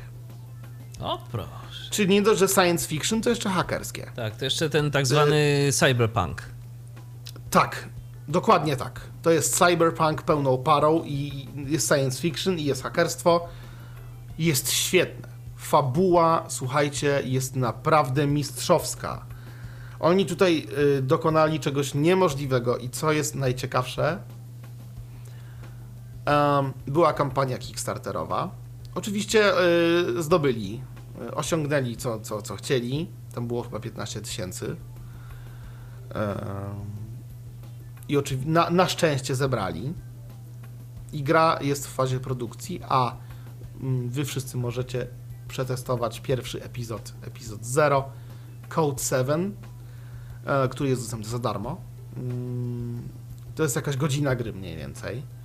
Są też, oczywiście są zagadki, jak, gdzie się włamać, jakich haseł użyć, co i tak, i gdzie i w ogóle. Są wybory w historii, które możemy wybrać, co ma, co ma powiedzieć nasza postać. Z tego co wiem, te wybory będą później przechodziły z poprzednich epizodów dalej, więc będzie później, e, że tak powiem, e, ko- konsekwencje będą i to dość moralne, bo historia, powiem wam tyle. Historia jest ciężka. Jest bardzo, y, jak to nazwać, zawiesista wręcz bym się wyraził w ten sposób i naprawdę taka... em, na początku się może wydawać, że to nic takiego, ale uwierzcie mi na słowo. E, wszystkich, e, generalnie e, ja e, zachowałem się tak i wszyscy ci, których obserwowałem jak grali, czy na YouTubie, czy gdziekolwiek, mówię o graczach niewidomych, o graczach widomych nawet, e, reagowali dokładnie tak samo. Em, są dwie wersje obecnie. Jedna to jest normalna wersja dla widzących, a druga to jest e, blind accessibility. Mm, Więc po prostu odpalając grę, wszystko menu i tak dalej jest odczytywane przez SAPI. A, więc spokojnie sobie poradzicie, tam nie ma mm, jakichś wielkich problemów z nawigacją. Skąd grę można pobrać? Ehm, powiem tyle. Jeśli to będzie dobrym pomysłem, albo y, dokleimy link y, ten pod y, opisem w audycji, albo ja wrzucę go w komentarzach, nie wiem co będzie lepsze. Adres jest po prostu długi, no. Okej, okej, Podam- no to Bo tam jest coś tam kropka com slash coś tam slash coś tam, tak? okej. Ale ja już tego nie pamiętam ktoś, w tym Jeżeli momencie. ktoś bardzo chce odnaleźć to teraz, no to po prostu przez Google'a Code 7. Niech pisze code, code 7, tak? COD 7 e, i, i, i spokojnie znajdzie wersję do pobrania. Tylko uważajcie, tam jest wersja z wyraźnie zaznaczonym visually impaired, czyli dla niewidomych. Jest specjalnie ona oznaczona, ten plik do pobrania. I z tego co wiem, już jest na PC osobna i na Maca również. O, więc jeżeli ktoś posiada mm, system Apple'a, to też sobie może pograć. Y, Wiesz Dokładnie. coś na temat tego, czy będzie ta gra w kolejnych epizodach darmowa y, rozprowadzana, nie, czy będzie nie, nie, płatna? Nie, nie, nie, nie, nie, nie będzie, nie będzie, nie będzie darmowa. Będzie płatna, nie wiem dokładnie ile, yy, ale na pewno będą preordery i to będą preordery, ja na pewno zamówię, bo niestety wesprzeć kampanii, no nie dałem rady, a chciałem. Wiem, że będą preordery, ja na pewno dam znać, kiedy będą otwarte zamówienia. Dlaczego zamówienia są dobre? Bo na pewno będzie zniżka i na pewno będzie tak zwany Season Pass. Season Pass to w, w, w, jakby często tutaj znaczy taką przepustkę. Więc jeśli zapłacimy raz, to już dostaniemy później po prostu karnet na wszystkie epizody, które będą się ukazywać za darmo. Więc to też jest bardzo fajne. E, Na pewno będę powiadamiał. e, Na pewno pierwszy epizod jest zapowiadany chyba na kwiecień. To już całkiem A niedużo epizodów ma zostało. być 6 albo 7, plus ten zerowy. No tak. Czyli ma być jakieś 7-8 godzin rozgrywki do 9. Zakładając kilka różnych zakończeń, alternatywnych wyborów. będzie i jeszcze tak dalej. więcej Myślę, to myślę, że na pewno będzie coś niesamowitego. Plus oczywiście całościowo pełny voice acting, profesjonalny. Mm, Więc zatem, bardzo polecam. Oczywiście angielski wymagany. no tak, inaczej się nie da. Ale na jakimś takim mocno zaawansowanym poziomie, czy podstawy wystarczą? Yy, No wiesz co, nie jest to może gra, która macie nauczyć hackingu, tak? Nie jest to gra, która macie nauczyć obsługi, no ale te wszystkie rzeczy musisz wpisywać typu sys. tam nie wiem, lunch, jakieś tam rzeczy typu, y, no nie wiem, e, wiesz, takie pojęcia, które są bazowane na tych takich, wiesz, linii z linii komend. Na shellu. Mhm. Tak. Oczywiście tam są podpowiedzi, tam wszystko masz jakieś wskazówki, tak to wszystko jest do zrobienia, natomiast no musisz to w miarę gdzieś tam ogarniać. Oczywiście jeszcze uproszczona jest opcja dla tych wszystkich, że jest autofilling, w sensie uzupełnianie jest. Że na przykład spiszesz jedną, dwie literki już ci podpowiada gra komendę, jaką wiesz, Rozumiem. mm, jaką możesz tam wpisać, więc no jednak angielski tam się przydaje, no myślę, że no jednak trochę bardziej zaawansowany niż początkujący, na pewno. Bo jednak trzeba tam wszystko rozumieć, a uwierzcie mi, nawet są zagadki czasowe, których trzeba reagować szybko. Dość szybko. Mhm. Tak.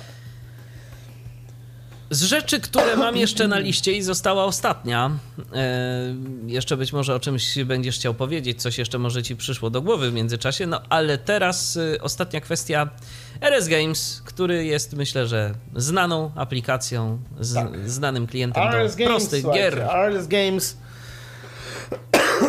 A jeśli ktoś nie wie, bo może są takie osoby, RS Games ukazał się w tym roku również jako, no, bo to jednak nowość tegoroczna, ukazał się na iOS-a.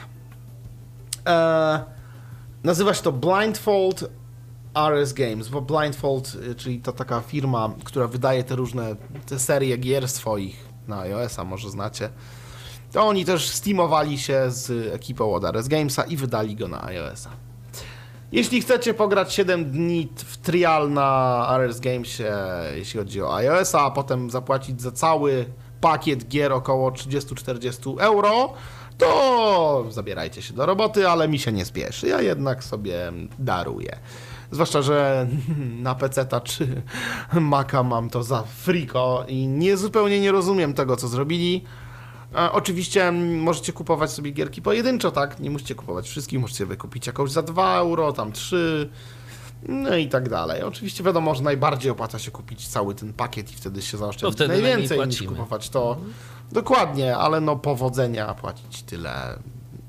To był krok, który jest moim zdaniem zupełną katastrofą.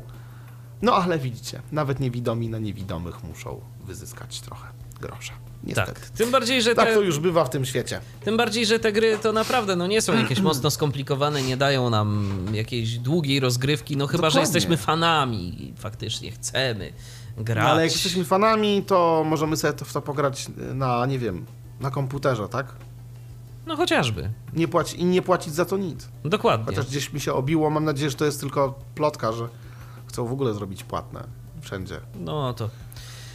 Ale mam nadzieję, że to plotka. No. Myślę, że liczba użytkowników, ilość użytkowników się O, to- to- to na pewno zmniejszy i to to- diametralnie. To na pewno. W każdym razie istnieje to na platformie iOS, jeśli ktoś był zainteresowany, można wpisać Blindfold RS Games. Nawet jak piszecie RS Games, prawdopodobnie to wam znajdzie. E, więc e, myślę, że spokojnie. E, przez 7 dni możecie na pewno potestować za friko. A dalej, no, To już wasz jak wybór. mówiłem. Dokładnie tak. Tomku, czy coś jeszcze przyszło ci do głowy? Czy o czymś jeszcze warto by było powiedzieć? Em, z większych tytułów, które naprawdę zasłużyły sobie na trochę słów, y, myślę, że to już, myślę, że nic chyba nie zostało i po, powiedzieliśmy w zasadzie o wszystkim. E, Pomijając jeszcze może kwestię, że y, Bokurano Daibouken 3, o którym to też podcast y, miałem zrobiony i o którym możecie się spodziewać, tak jak wam obiecałem kiedyś zresztą, reedycji tego podcastu. I myślę, że w następnym roku, bliżej początku, myślę, możecie się spodziewać tego podcastu, jako że tłumaczenie zbliża się ku końcowi. Super. I Bokurano trójka jest przetłumaczona już naprawdę w większości i zostało jeszcze tylko trochę rzeczy do zrobienia i myślę, że niedługo będzie całość. To ja jeszcze tak zapytam, No właśnie. y, co z Undeath Assault? Mm, Miało Nie być wiem. fajnie. Undead, Undead Assault jest, jest, tym, jest, jest tym projektem, który postanowił umrzeć, przynajmniej na razie. Em, ja powiem tak zupełnie za kulisami, włożyłem w ten projekt tyle sił, ile mogłem, o, nad samym sound designem, mm, nad tym, żeby to brzmiało, zresztą pokazywałem pewnie wam też moją pracę i to wszystko, jak to miało brzmieć mniej więcej, przynajmniej początkowo, która to praca została niestety zmarnowana. Autor stwierdził, że jednak nie, on jednak woli, żeby to brzmiało tak, jak to brzmiało wcześniej, a, no, bo on chce być tam z, bardziej z, jeśli chodzi o oryginał, że to mu się bardziej podoba. mm. Ale tak w ogóle to on na razie nie wie, kiedy coś z tym zrobi, bo coś tam i tak dalej. No i to wszystko jakoś tam przygasło. Szkoda, bo to też mogło być naprawdę Szkoda. fajne. Szkoda, Potencjał był ta gra to, miała. Był to bardzo fajny pomysł e, Under the Souls, czyli e, pro, pro, projekt bazujący na e, Call of Duty Zombie Mode, w którym to teamowaliśmy się z kumplami i mogliśmy po prostu wybijać w pień wszelkie paskudztwo. Gra zdecydowanie nie dla młodszych, to akurat Tak. em, to tak było. W przeciwieństwie do natomiast Crazy nie wiadomo. Tak, to na pewno. W każdym razie, no niestety nie wiem, czy jeszcze kiedyś będę mógł wam osobiście za, e, zapowiedzieć, że Undead, Undead Assault jednak wstało, ma się dobrze i będzie lepiej. No na razie niestety na razie nic takiego się nie szykuje. Na razie ja pracuję nad moim własnym projektem, a, która to jednak, który to jednak myślę, że to du, dużo jeszcze czasu zanim e, zanim ukaże się ten projekt, ukaże się, jeśli chodzi o, wiesz, na, jeśli chodzi o światło dzienne. Gdzieś w ogóle. No ja słyszałem próbki i muszę powiedzieć, że no, robi wrażenie. To co, to, co już jest, a teraz jeszcze dograć do tego fabułę i to wszystko, co, co masz w planach. aktorów to, i, tak, tak. i To, całą resztę, to myślę, że y, powiem tylko tyle, tu, tu się nam to- kolega, to ja, ta, to ja tak powiem, tu, tu, się nam kolega ambitnie zabrał do dzieła i naprawdę będzie w co grać, jak y, to wszystko uda się poskładać razem w jedną całość. To- Tylko, że to zajmie akurat sporo czasu Zajmie, i na pewno zajmie. nie będzie, na, na pewno nie wcześniej niż 2018, to mogę wam powiedzieć już teraz, ale co nagle to po diable mówi się podobno, a ja wolę jednak y, jakościowo lepiej. No tak, tym bardziej, że ty też jesteś graczem i y, chciałbyś stworzyć coś, w co ty sam chciałbyś sobie pograć. Tak. Y, Na pewno co mogę wam powiedzieć teraz, bo za dużo wam powiedzieć jeszcze nie mogę, ale to co mogę na teraz y, powiedzieć na pewno, to na pewno gra, której przejście na pewno będzie wymagało co najmniej 9-10 godzin, jeśli chodzi o pierwszy raz. I gra, która będzie mniej więcej grą w stylu y, produkcji od y, Telltale Games, czyli gier przygodowych, w których to wybory są kluczowe do rozgrywki, w których wybory są nawet nie tyle kluczowe, co potrzebne i nawet czasowe, bo jeśli nie odpowiemy postaci, z którą rozmawiamy przez jakiś czas określony, to ona stwierdzi, że przemilczeliśmy kwestię. Więc od tego też będzie zależało, co się stanie. Poza tym gra w pełnym trójwymiarze y, dźwięku, który będzie wykorzystywał w zupełności tak ob obecny, wszechobecny teraz i popularny virtual reality, czyli ten y, silnik VR audio, więc 3D w, pe- w pełni oczywiście wokół głowy, więc będziecie mogli słyszeć nawet rzeczy, które są nad wami i pod wami. I ten silnik E, to już silnik- nawet miałem okazję usłyszeć. I jest. I Tak, silnik jest, jest, y, silnik jest, istnieje, tutaj są prace nad tym, a, więc ciągle tutaj coś, y, mam nadzieję, będziemy dopracowywać jakieś tam szczególiki a, i, i, i mam nadzieję, że się Wam spodoba, bo projekt, y, no, mam nadzieję, będzie chodzi i o fabułę, która będzie jednak dość mroczna. E, Nie będzie się grało tylko jedną postacią, od razu Wam powiem, ale co najmniej dwoma i to będą postacie w zupełnie innych czasach, w zupełnie innych miejscach i tak dalej, i tak dalej, ale tutaj nic więcej Wam nie mogę zdradzić. Mm, I gra będzie na przykład pełna również quick- time eventów, tak zwanych, czyli naciskaniu przycisków y, w konkretnych momentach, e, w odpowiednich chwilach, tak? Tutaj na przykład, żeby uskoczyć, to trzeba będzie wcisnąć jakąś tam strzałkę, żeby przebiec gdzieś tam, żeby uniknąć, żeby coś innego zrobić, żeby się przeturlać. Będzie sekwencja przycisków, która będzie do wciśnięcia. Um, także myślę, że będzie ciekawie.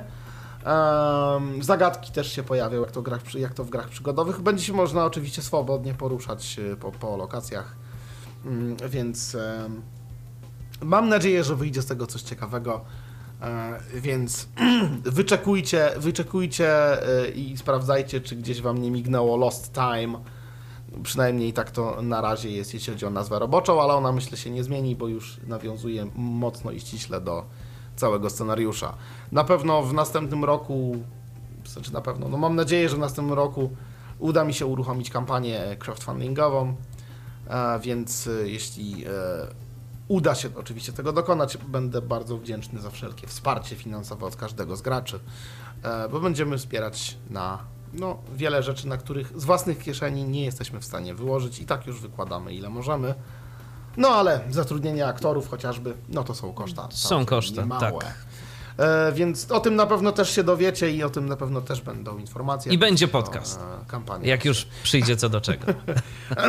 Podcast będzie, jak już będzie gra. No właśnie. E, to chociaż dzi- dziwnie będzie mi robić wtedy grę o, znaczy podcast o grze mojej w dodatku, więc może ktoś wtedy przejmie pałeczkę. Ale to wiesz. Dla To, odmiany zrobi coś o mojej grze. ale to, no wiesz, można w ten sposób, ale z, ale z drugiej strony będziesz mógł y, pokazać kilka takich, wiesz, y, trików specjalnie dla słuchaczy Tyflo Podcastu.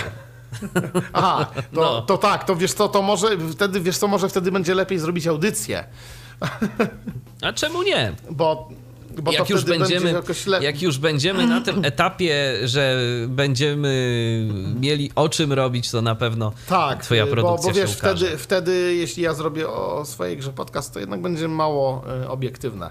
Okej. A nawet wtedy ja bym chętnie posłuchał, co taki gracz miałby do powiedzenia, jasne, wiesz, to Pewnie. jednak jest zawsze cenne. Ale nie wybiegajmy aż tak w przyszłość. Bo to temat dopiero myślę, że pracy, na sporo 2018 rok gdzieś tam w podsumowaniu ewentualnie będziemy pewno. mogli o czym y, o tym porozmawiać. Y, A na dziś Tomku tak. dziękuję Ci bardzo za udział w Ja dzisiejszym również programie. dziękuję serdecznie. Jeśli ktoś e, będzie miał coś do dodania, zapraszam do komentarzy.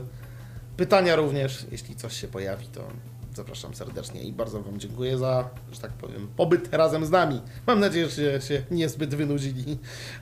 A ja przypomnę tylko, ciekawostek. że o grach audio w 2016 roku mm, wyprodukowanych, wydanych, po prostu o rynku tych gier opowiadał specjalnie dla Was Tomasz Tworek. Ja też dziękuję już za uwagę. Michał Dziwisz, kłaniam się. Do usłyszenia. Do następnego spotkania na antenie Tyfloradia. Był to Tyflo Podcast. Pierwszy polski podcast dla niewidomych i słabowidzących. Program współfinansowany ze środków Państwowego Funduszu Rehabilitacji Osób Niepełnosprawnych.